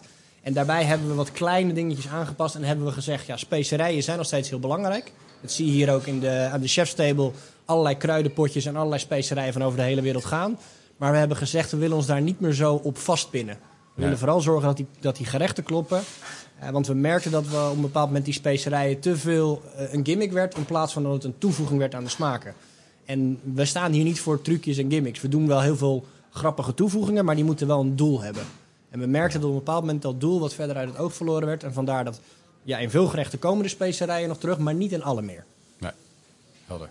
En, en zat er in deze nou eentje? Wat, wat was... Wat, Eh, ja, in de, ja, in deze is eigenlijk de, het, het unieke element is eigenlijk de aged eh sojasaus die we hebben. Dus echt die, die, eh, die gerijpte sojasaus. is niet duidelijk, niet du- duidelijk een specerij, maar dat is wel echt hetgeen wat de, de bijzondere toevoeging geeft en die een voetstuk geeft aan de, aan de tonijn. Ondertussen Oh ja, gebeurt hier ondertussen van alles. gebeurt hier van alles. We, we krijgen een, eh, een volgend gerecht voor ons.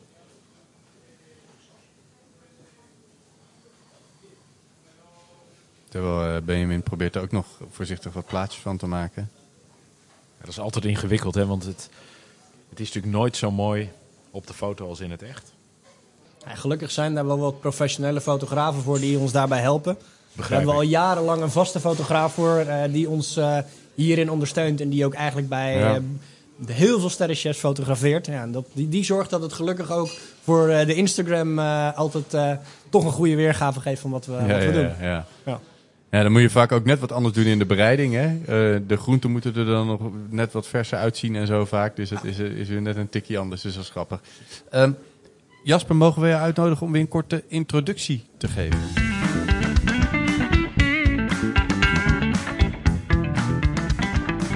We zijn inmiddels eh, aangekomen bij het hoofdgerecht. We serveren het bekende wagyu vlees. Prachtig mooi rundvlees, afkomstig uit Kagoshima. Helemaal gelegen in het zuiden van eh, Japan. Wagyu staat uiteraard bekend om het feit dat het eh, vetmarmering in het eh, vlees ja, echt een unieke structuur, structuur geeft. Heel mooi rijk van smaak, heel mooi zacht. A- A5 gradatie, dat houdt dus in dat het vetmarmering wat in het vlees zit eigenlijk op zijn hoogst mogelijk, mogelijk is. Ehm, dus we combineren dat met wat, wat frissere tonen. Bleekselderij, radijs, saus op basis eh, eh, van umeboshi, gefermenteerde eh, Japanse pruim. Eh, wordt vaak bij het ontbijt eh, gegeten in Japan. Zorgt voor eh, wat zout en frisse tonen in het eh, eh, eh, gerecht. Eh, rijke smaken van eh, zwarte knoflook. Alsjeblieft. En dat zijn de gefermenteerde pruimen. Japanse pruim. Japanse pruimen. Ja, Ja. en die hebben wij dan eh, in dit geval gefermenteerd. Die, hebben jullie, die fermenteren jullie hier zelf? Of? Ja. ja. Mooi. Het aroma van dit gerecht is al waanzinnig. Het ruikt bijna Ja. smoky. eh, het ruikt gegrild. Het ruikt heel rijk. Ja, ja het, is een, het is een heel rijk gerecht. Het is natuurlijk echt een typisch Japans, eh, Japans onderdeel weer. Eh, de wagyu, het Japanse rund, eh, wat we hier gebruiken. Nou, zoals Jasper net uitlegde, het is een bijzonder vlees wat, wat heel erg dooraderd is met vet. Het geeft er heel veel smaak af. Ehm, en ook daarna hebben wij er weer een speciale eh, behandeling aan gegeven. We hebben een natte pekel hebben we dit gegeven. Daarbij komen in dit geval wel de specerijen heel erg naar voren. Dus we gebruiken daarbij wat kruidnagel, wat longpepper, wat roze peper, wat venkelzaad. Ehm, dat gaat in een zak en, met vocht. Eh, bewust een natte pekel, want eigenlijk is wagyu van zichzelf al een vrij droog stuk vlees. Als je dat dus alleen met kruiden doet, dan zou je er meer vocht uit trekken. En dan wordt het vet eigenlijk te overheersend. Dus vandaar dat we kiezen voor een eh, natte pekel. En dan juist die specerijen die er dan eh, in, in de, de, de meegaan, dus eigenlijk voordat het allemaal gebakken wordt, trekken mooi in het vlees, geven het nog meer dat rokerige en nog meer rijkere smaak eh, die we zo gaan beleven. En daarna wordt het eh, ja, op de avond zelf alle minuut gebakken. Ik denk dat dat ook wel een van de unieke elementen van Chableu is. Dat wij hier nog heel veel dingen à la minuut doen. Onze vis wordt à la minuut gegrild. Ons vlees wordt à la minuut gebakken. En er zijn veel restaurants waarbij we weten dat die dat meer in de voorbereiding doen. Daar zijn hele logische keuzes voor. Eh, maar wij kiezen nog echt om het ambacht heel erg hoog te houden binnen, binnen. En dat is ook echt wel een van onze kernwaarden. Dat we echt wel het ambacht eh, van het koken eh, nog steeds heel erg hoog in het vaandel hebben. En dat echt een podium willen geven. Prachtig. Gaan we proeven? ja, laten we dat gelijk doen voordat het koud is.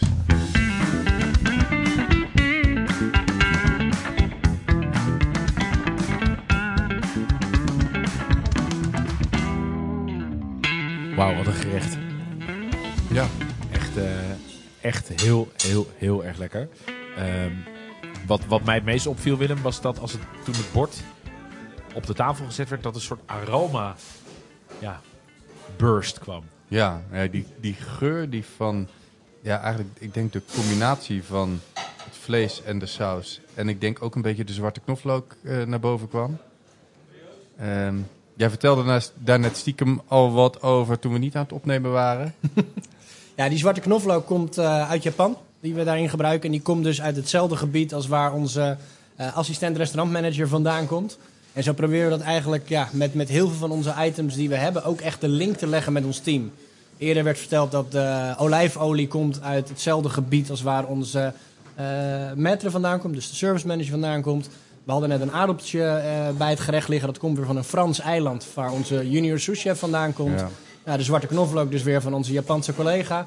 En zo zorgen we eigenlijk dat het team ook allemaal weer connecties krijgt met, het, eh, met de gerechten die we hier serveren. En heb je, Ja. hebben jullie zelf allebei ook ooit een linkje gehad met iets? Of, eh? Ik, ik helaas niet, niet. want ik Jij ben niet. officieel natuurlijk Oh, niet nee, ja. onderdeel van het nee, team, nee. eh, eh, van het team Chableu. Nee. Ehm, maar goed, monsieur eh, daarentegen. Ja, Ja, we- weet je, weet je wat het is? Ik, eh, ik, ik heb dat niet zo dadelijk, maar ik denk van, laten we dat maar presenteren met de wijn. Die vond ik wel leuk daarbij natuurlijk. Ja. En, eh, dus ik moest eigenlijk een klein beetje een reisje maken. Dat doen we ook, hè, want je gaat nu reizen, wat u nu zegt. Hè. Overal komt het overal vandaan. Dus ik had een vliegtuigreis gemaakt en ik vloog over de Andes. De Andes, dan praat je over Zuid-Amerika. hè. Andes, dan zit je over, Ja. net, eh, dan zit je bij Santiago, in Chili. Chili, ja. Ja, dus dan moesten we even rusten.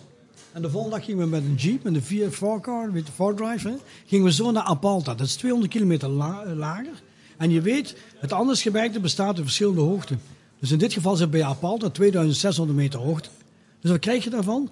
Koele invloeden in het Central Valley gedeelte. Central Valley, daar zijn toch allemaal wijnen die vigoureus zijn? Ja. Aan de andere kant heb je het kustgebergte en heb je Milauwe. En dat noemen ze de Gouden Helling. En waarom? De Gouden Heuvel. Maar die gaat een klein beetje in die Central Valley. En Alexander Vick, die kocht dat met de bedoeling voor dat eigen microklimaat te hebben. Geen irrigatie, maar eigen regen. Dus wat gebeurt er? Die wind die komt eigenlijk uit aan de zeekant. De rivier, die komt eigenlijk vanuit de Andes. Dat gaat over de winery. Die vloeit over in de wijngaard. Maar door de temperatuur verdampt dat. En omdat die afgeborgen is, krijg je automatisch regen.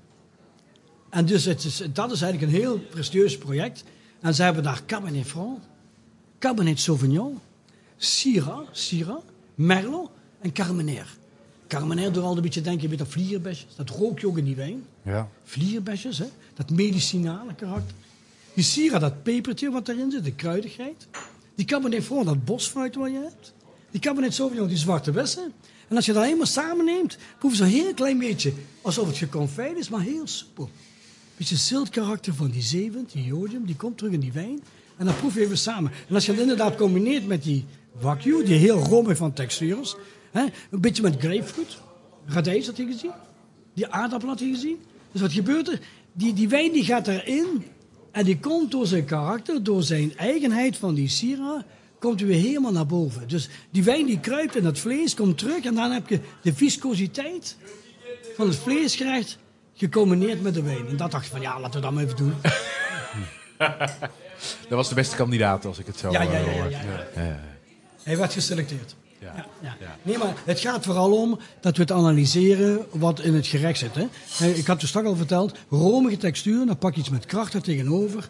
En daardoor komen elementen, elementen terug. Nee, de dingen die we missen werden hier aangevuld. Dat zilte karakter maakt het wat slanker. Ja. Ja. En daardoor is het veel verteerbaarder, maar ook spannend, want er gebeurt wel wat, weet je. En dus zodra we iets proeven wat verschillend is op palet van de tong, dan wordt dat geactiveerd en dan vinden we dat interessant. Ja, en het, het, het mooie vind ik bij deze combinatie is dat het interessant is. Maar het is ook niet te experimenteel dat het te... Het zit niet in de weg. Ja, ja. ja het is onderdanig. En, en, Ja. ja. ja en dat, dat is ook zo. Dus we moeten er geen, eh, niet de wijnwind, niet de gerechtwind, we doen het samen, Voilà. Ja, zoals wij het samen hier doen. ja. Ja. ja. dat Maar is dit, eigenlijk dit is wel is. extreem dat, dat, dat zilte karakter, wat dit gerecht zoveel meer diepgang geeft, dat maakt hem op een of andere manier heel licht en Ja, eh, verteerbaar. verteerbaar. Ja, ja. Ik zeg altijd, je wordt ertoe verleten. En, en als je een mooie... Ik zeg altijd, als je een aardbei ziet, hè, dan wil je aardbei proeven. hè. Geen marsepein, hè, want toen ik 12 jaar was, wilde ik marsepein. Nee, een aardbei. Kijk, wat je ruikt, dat proef je ook. En dat is wat, wat de bedoeling is. Soms Ja. wordt een wijn overpowered door eh, aroma's en mist het iets structuur. Dus in dit geval vult het elkaar aan. Ja. Ja. Maar dat eh technisch, hè. Hey, en eh, die Wagyu, hè? Ja, Ja. Ehm, dit is eh, een van de beste kwaliteit Wagyu die je kunt krijgen, denk ik. ja de A5 kwaliteit, zoals Ja. eh, Jasper uitlegde. Oké. Dus ja, dat geeft de level van marmering weer weer. Eh, dus dit, dit is ook de hoogste gradatie en de hoogste kwaliteit die beschikbaar is. Echt uit Japan komen, geloof ik. Wagyu is sowieso puur uit Japan. Ja. Ehm, het, het, het, er zijn varianten waarbij ze zeggen dat het een Australische of een, zelfs een Nederlandse Wagyu is. Maar dat is altijd een kruising. Ja. Want er is een hele simpele wetgeving in Japan dat de vrouwtjes koeien nooit Japan uit mogen. En ook de eicellen dus niet. Dus het is wel vaak dat het gedeelte van de mannelijke koe wel de wereld overreist. Dat wordt gekruist met allerlei andere Ja. eh, eh, koesoorten. Dan gaat het richting Wagyu, maar dan is het nooit zo puur en zo bijzonder als dat de Wagyu uit Japan is. Dus daar is Japan heeft daar echt wetgeving voor om dat ook echt op die manier te behouden. Ja. En is, is nou al het rundvlees uit Japan Wagyu? Of hebben ze daar ook... eh, nee, ze hebben Nee, ook het, is, het is een eh, bepaald ja. ras koe, zoals Ja. we dat in Nederland, eh, Nederland ook kennen met de bonte koe, de Maasrijn. IJsselrund, et cetera. Maar wel een, ja, veel voorkomend ras. maar daar heb je ook weer verschillende types in. Ook het ras uit Kobe is weer anders dan het ras wat noordelijker uit Japan komt. En in Kobe is het uiteindelijk als eerste ooit ontstaan. Ja. En, en wat maakt de Wagyu nou zo bijzonder? Nou ja, de, de, de- zoals we net al zagen, de marmering die erin zit, dus de, de, vetlagen die door de, eh, de, doorheen gaan, eh, die geven veel meer smaak af dan dat het aan een normaal stuk eh, vlees gaat. Dus dat Ja. geeft echt een unieke beleving. Ehm, en er gaan natuurlijk heel veel fabels en heel veel mooie verhalen over Wagyu de wereld rond. Het grappige is dat die verhalen allemaal wel ergens een stukje van waarheid hebben. Zo heb je bijvoorbeeld de, de, de fabel dat ze... Nou, ja, het, het is geen fabel. Er wordt een mooi romantisch verhaal verteld dat de koeien gemasseerd worden. Ja. Technisch gezien worden ze dat ook. Ze worden namelijk met een leren riem wordt er over de huid heen geschraapt. eh, van tijd tot tijd. Dat is om de parasieten te verwijderen. En dat is ook een soort een vorm van masseren. Dus dat is daarna verromantiseerd dat de koeien gemasseerd worden en dat het vlees daarom zo Dat speciaal die in een soort massagesalon staan de hele Ja, tijd. dus Ja, dat, dat, dat ze door de massage dat die marmering beter wordt. Precies, maar dat, dat is, dat dus niet helemaal waar, maar er worden dus wel met leren riemen worden die, eh, ja, de parasieten van de koe afgehaald. Dat is gewoon eh, iets wat daar gebeurt. En dat is daarna vertaald naar een, een, een vorm van, eh, van massage. Eh, hetzelfde, ja, er wordt gezegd, ja, ze krijgen bier gevoed. Ja, dat klopt. Dat krijgt in principe iedere koe in de wereld. Eh, bier heeft namelijk heel veel restproducten. Die restproducten worden uiteindelijk in de voeding gebruikt van de koe. Dat doen wij hier in Nederland ook.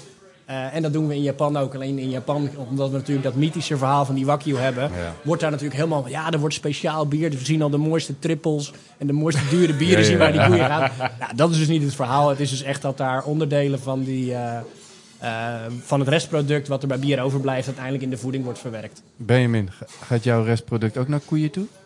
Ja, dat, ja, dat is waar. Hè. Ik, Ja. ik, ik heb een bierbrouwerij Ja. in, eh, in Leiden. En wij hebben een heleboel inderdaad restgranen over. Ik denk zo'n 60, 70.000 kilo per jaar eigenlijk granen die wij twee uur, tweeënhalf uur gebruiken. Eigenlijk veel te goed om die zomaar weg te gooien.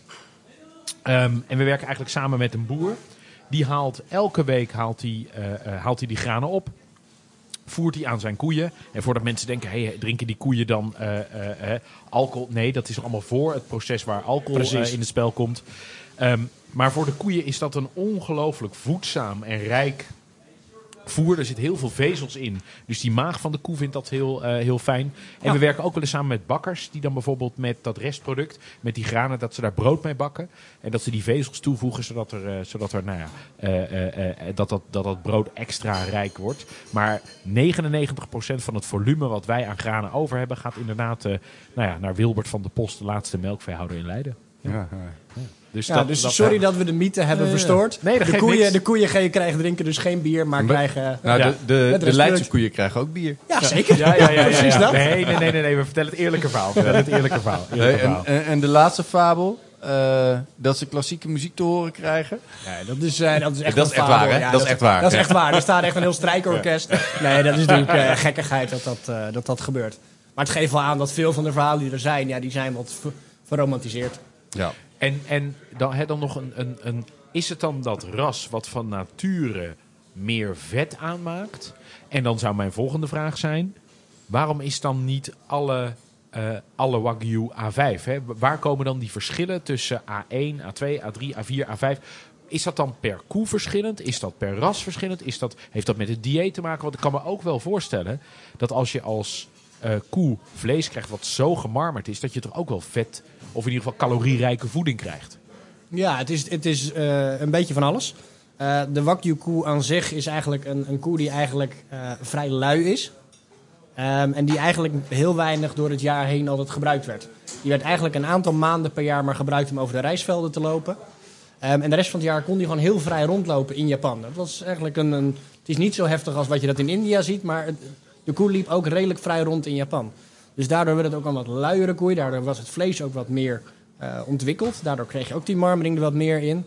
Ehm, ja, natuurlijk hou je verschillende gradaties erin. Maar dat heb je eigenlijk bij de bonte Ja. koe. Dat heb je bij de, de Maas Rijn IJsselrund in Nederland. Heb je dat ook. Dat je toch kwaliteitsgradaties eh, verschillen hebt. En daar wordt dan uiteindelijk bij de slacht op geselecteerd. En zo Eh, zo zien we dat ook terug. Net zoals dat Arjan ook vertelde over de tonijn. Ja, wij halen ook de mooiste stukken van de tonijn weer eruit. Zo krijgen we ook weer de mooiste stukken van de Wagyu, halen wij ook weer naar hier toe. En dat is dan weer die A5-gradering.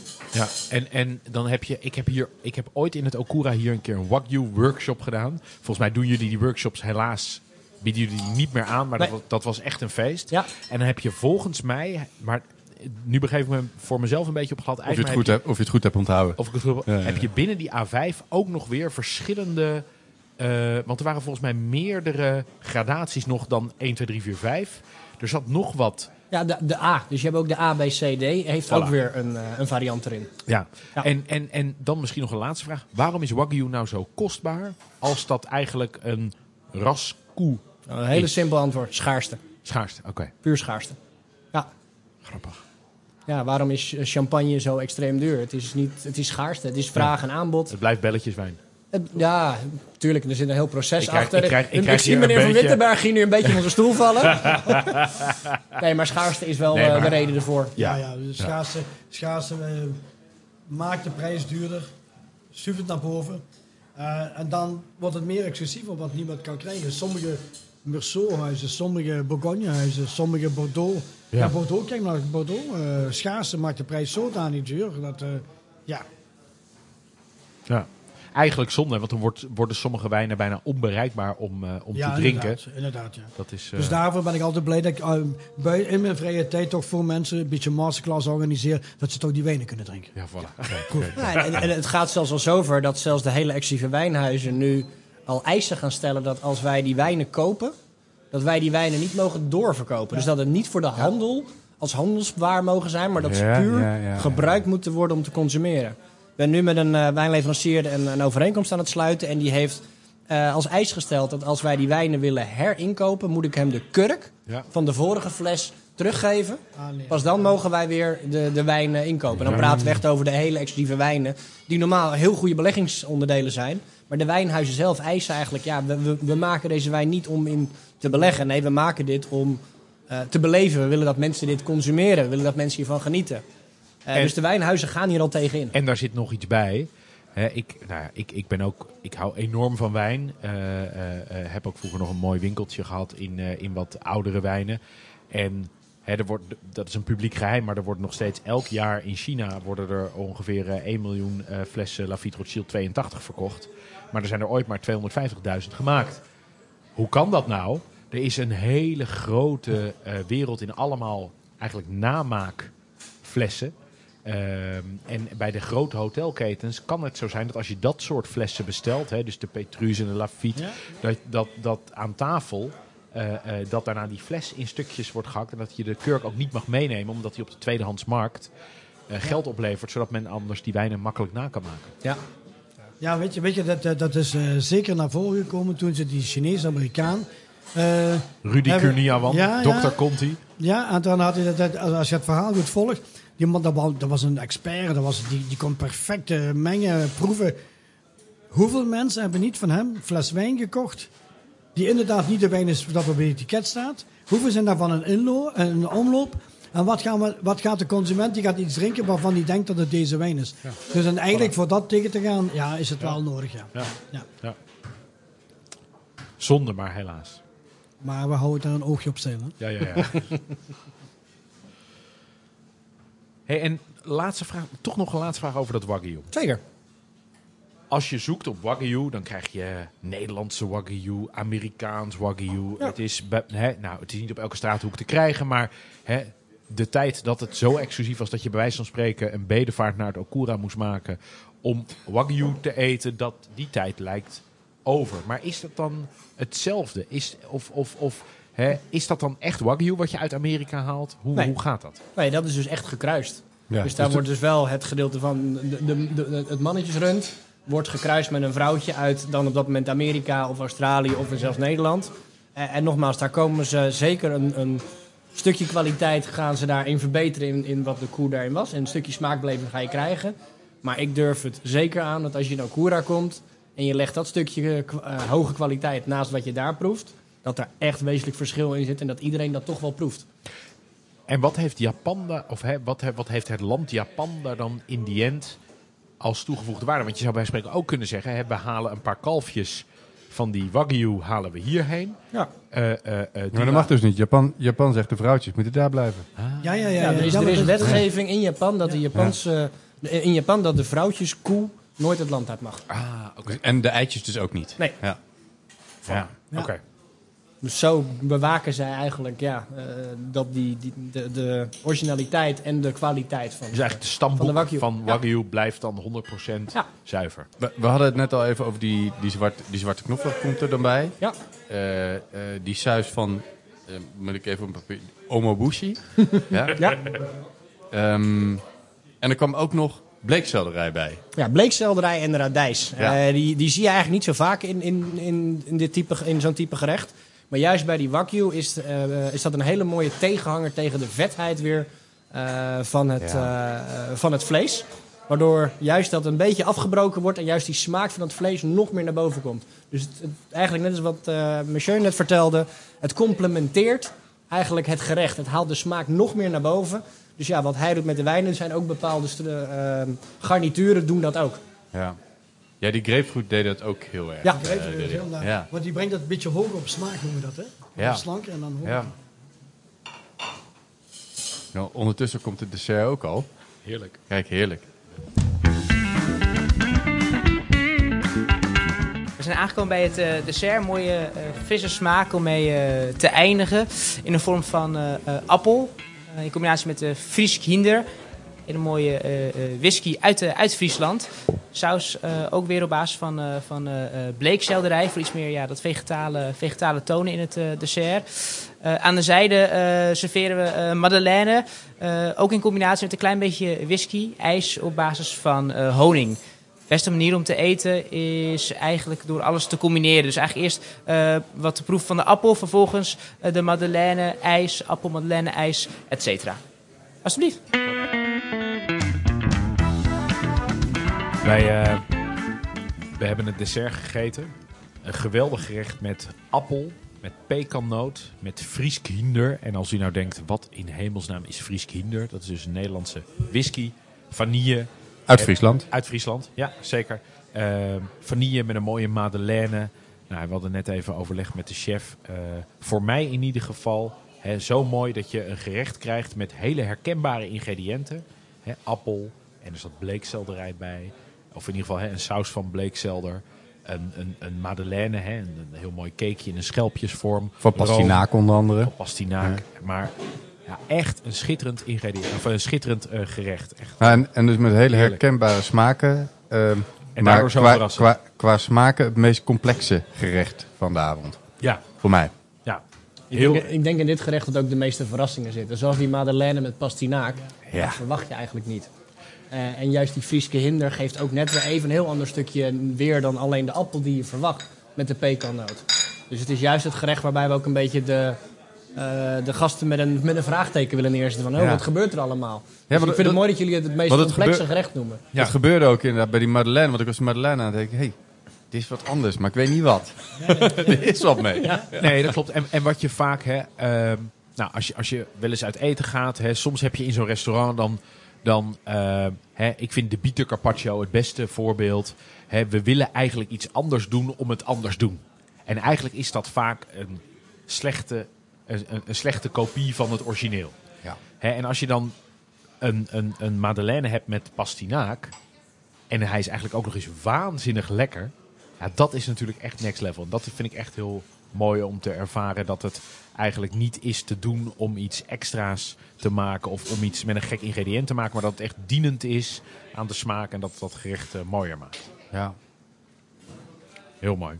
En Fries Kinder, Willem, hoe zit jij in jouw... eh, Hm? Ben jij nou een whisky Ja, fan? top. Ja, kan ik Nee. Nee, hè? Nee, ik, ik heb het toevallig het weekend eh, toen ik uit de Bushcraft dat was nog uitgebreid over gehad. Maar ik, ik, vind het, dat, ik vind het zo heftig van smaak ehm, dat ik het moeilijk vind. Ja. Ik vind het ingewikkeld. Ja. Ja. Het is ook ingewikkeld. Onder, ondertussen gebeurt hier aan tafel weer van alles. Eh, Jasper is een heel mooi taartje, volgens mij met vijg, aan het eh, snijden en op allerlei bordjes aan het doen. Ik ben heel erg benieuwd eh, wat dat voor, voor moois is. Ehm, misschien nog een vraag. Jeroen, hè, we zitten hier in een hotel, in een vijfsterren hotel, internationaal hotel. Maar we hebben eigenlijk net een dessert gekregen wat heel lokaal is. Ja. Hoe maak je nou de nou ja, combinatie, verbinding, afweging tussen aan de ene kant een internationale keuken waarbij iedereen hier zich nou ja, hè, thuis kan voelen bij spreken of iedereen herkenbaarheid vindt en ondertussen ook vier bent op lokaal. Ja, ik denk, ik denk dat juist de internationale reiziger ook juist het lokale wil ervaren. Dus dat dat ook wil beleven. Nou zitten wij hier altijd een beetje in een tweesprong. Eh, want ja, we hebben natuurlijk ons Japanse DNA, wat door onze hele organisatie heen gaat. We hebben het over omotenashi gehad, we hebben het over de ingrediënten gehad. Maar uiteindelijk zijn we nog steeds in een hotel gevestigd in Amsterdam, in Nederland. Dus ook juist die internationale reiziger die ook Nederland wil ervaren, willen we ook op een bepaalde manier bedienen. Dus vandaar dat we ook echt wel de Nederlandse accenten eh, op een bepaalde manier ook terug laten komen. En dan is dit een eh, gerecht een mooi voorbeeld geweest. Ja. Ja, ja zo, zo, eh, hè, het voelt op een of andere gekke manier ook heel Nederlands. Ja. En tegelijkertijd, als je dat zou vergeten, zou het gerecht ook nog steeds heel goed passen. Ja. Ja. En, nou ja, monsieur, hè, als we elkaar zo mogen noemen, toch eventjes eh, aan het einde van deze avond. Ik, ik stak mijn neus in dit glas wijn en ik rook gelijk petrol, gelijk benzine. Ja. Eh, en Dus dat kan nog op één, één druivensoort Ja, wel, hè? Ja, Ja, ja, ja, zeker, ja, ja. zeker. Dat is, de- dat is die mooie Riesling natuurlijk. Ja. En wij hebben daar een Riesling genomen, maar een speet lezen. Hè? En we doen, toevallig gaan we, niet toevallig, Moselsa Ruur. En je weet, dat, zijn, dat is uitgesneden door de rivier. Heb je steile hellingen, die gebroken lijsteen, dat noemen ze dan schiefer. Hè? En daar zit dan die, die, die Rieslingdruifje en dan 's morgens heb je die condens van de september. Hè? En dan die zon die schijnt erop, de dauw. En dan droogt dat druifje een beetje op. Je krijgt een klein beetje rest.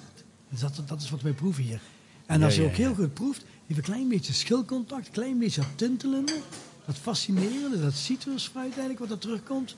En dan vlut dat met het gerechtje samen, dat proefde je ook wel. Maar je hield heel die appel in respect. Ging een beetje met die Frieske hinder, een beetje de warme toer op. En dan flutte die met die amandel naar die heerlijke room en de vanilleijs. ja, zo is het. Ja, zo was het ook. Zo was het. Zo Ja, was zo het was ook het. echt. ja. Goede samenvatting van. eh, Je van had erbij was. moeten Ja. zijn, ja. Ja, prachtig. Heerlijk. Heerlijk. Ja, Willem. Daar zitten we dan aan, nu, eh, aan een glas eh Fries Kinder, volgens mij, als ik me niet vergis.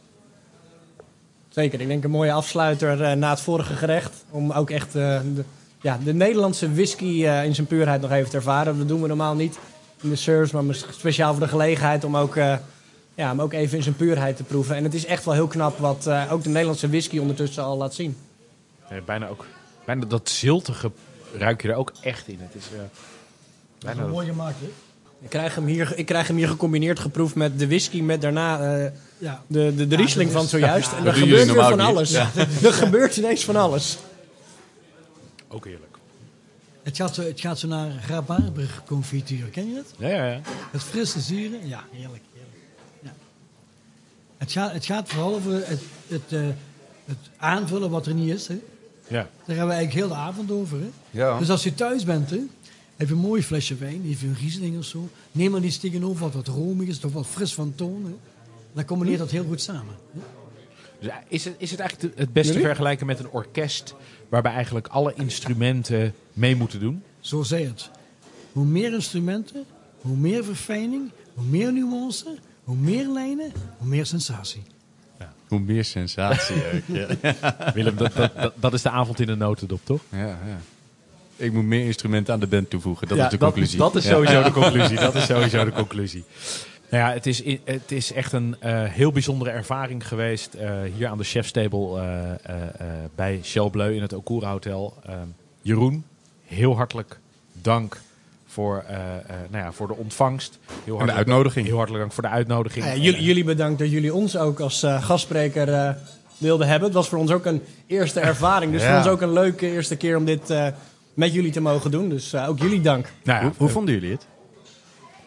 vonden jullie het eh, een beetje spanning aan het begin eh, van de avond? Ja, ik was een beetje zenuwachtig. Een klein tikje, klein tikje. Oh, ja, dat hoeft niet. Nee, maar dat is een gezonde spanning. Ja, toch? Zo Ja, goed, en, eh, zo goed.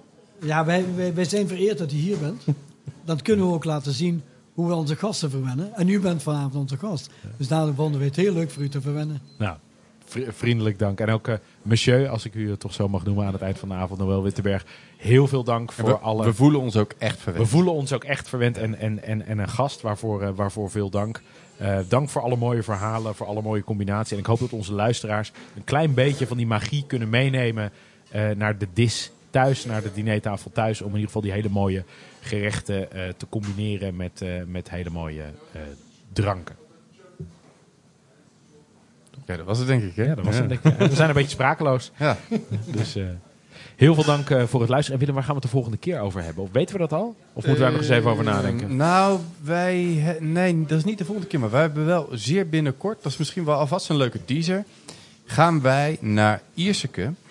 en dan gaan wij een oesterproeverij doen. Oeh, Ja. Dus dat is ook een heel mooie eh, aflevering die, eh, heel goed. hè. die Zijn we- in het vooruitzicht Zijn we op uitnodiging van, van, van volgens mij een oesterkweker. Ja. En dan gaan we daar aan de slag met allerlei verschillende oesters. En nou ja, goed. Dat wordt ook een groot feest. En de oesterfeesten komen er weer aan. Dat is al in september. Ik heb het een keer mogen beleven. Compleet aanraden. Dit gaat een hele mooie aflevering ook worden. Nou, fantastisch. Dank jullie wel. En eh, ja, zoals altijd, kook met liefde. Voor alles wat er er vast zit. En eh, tot volgende week.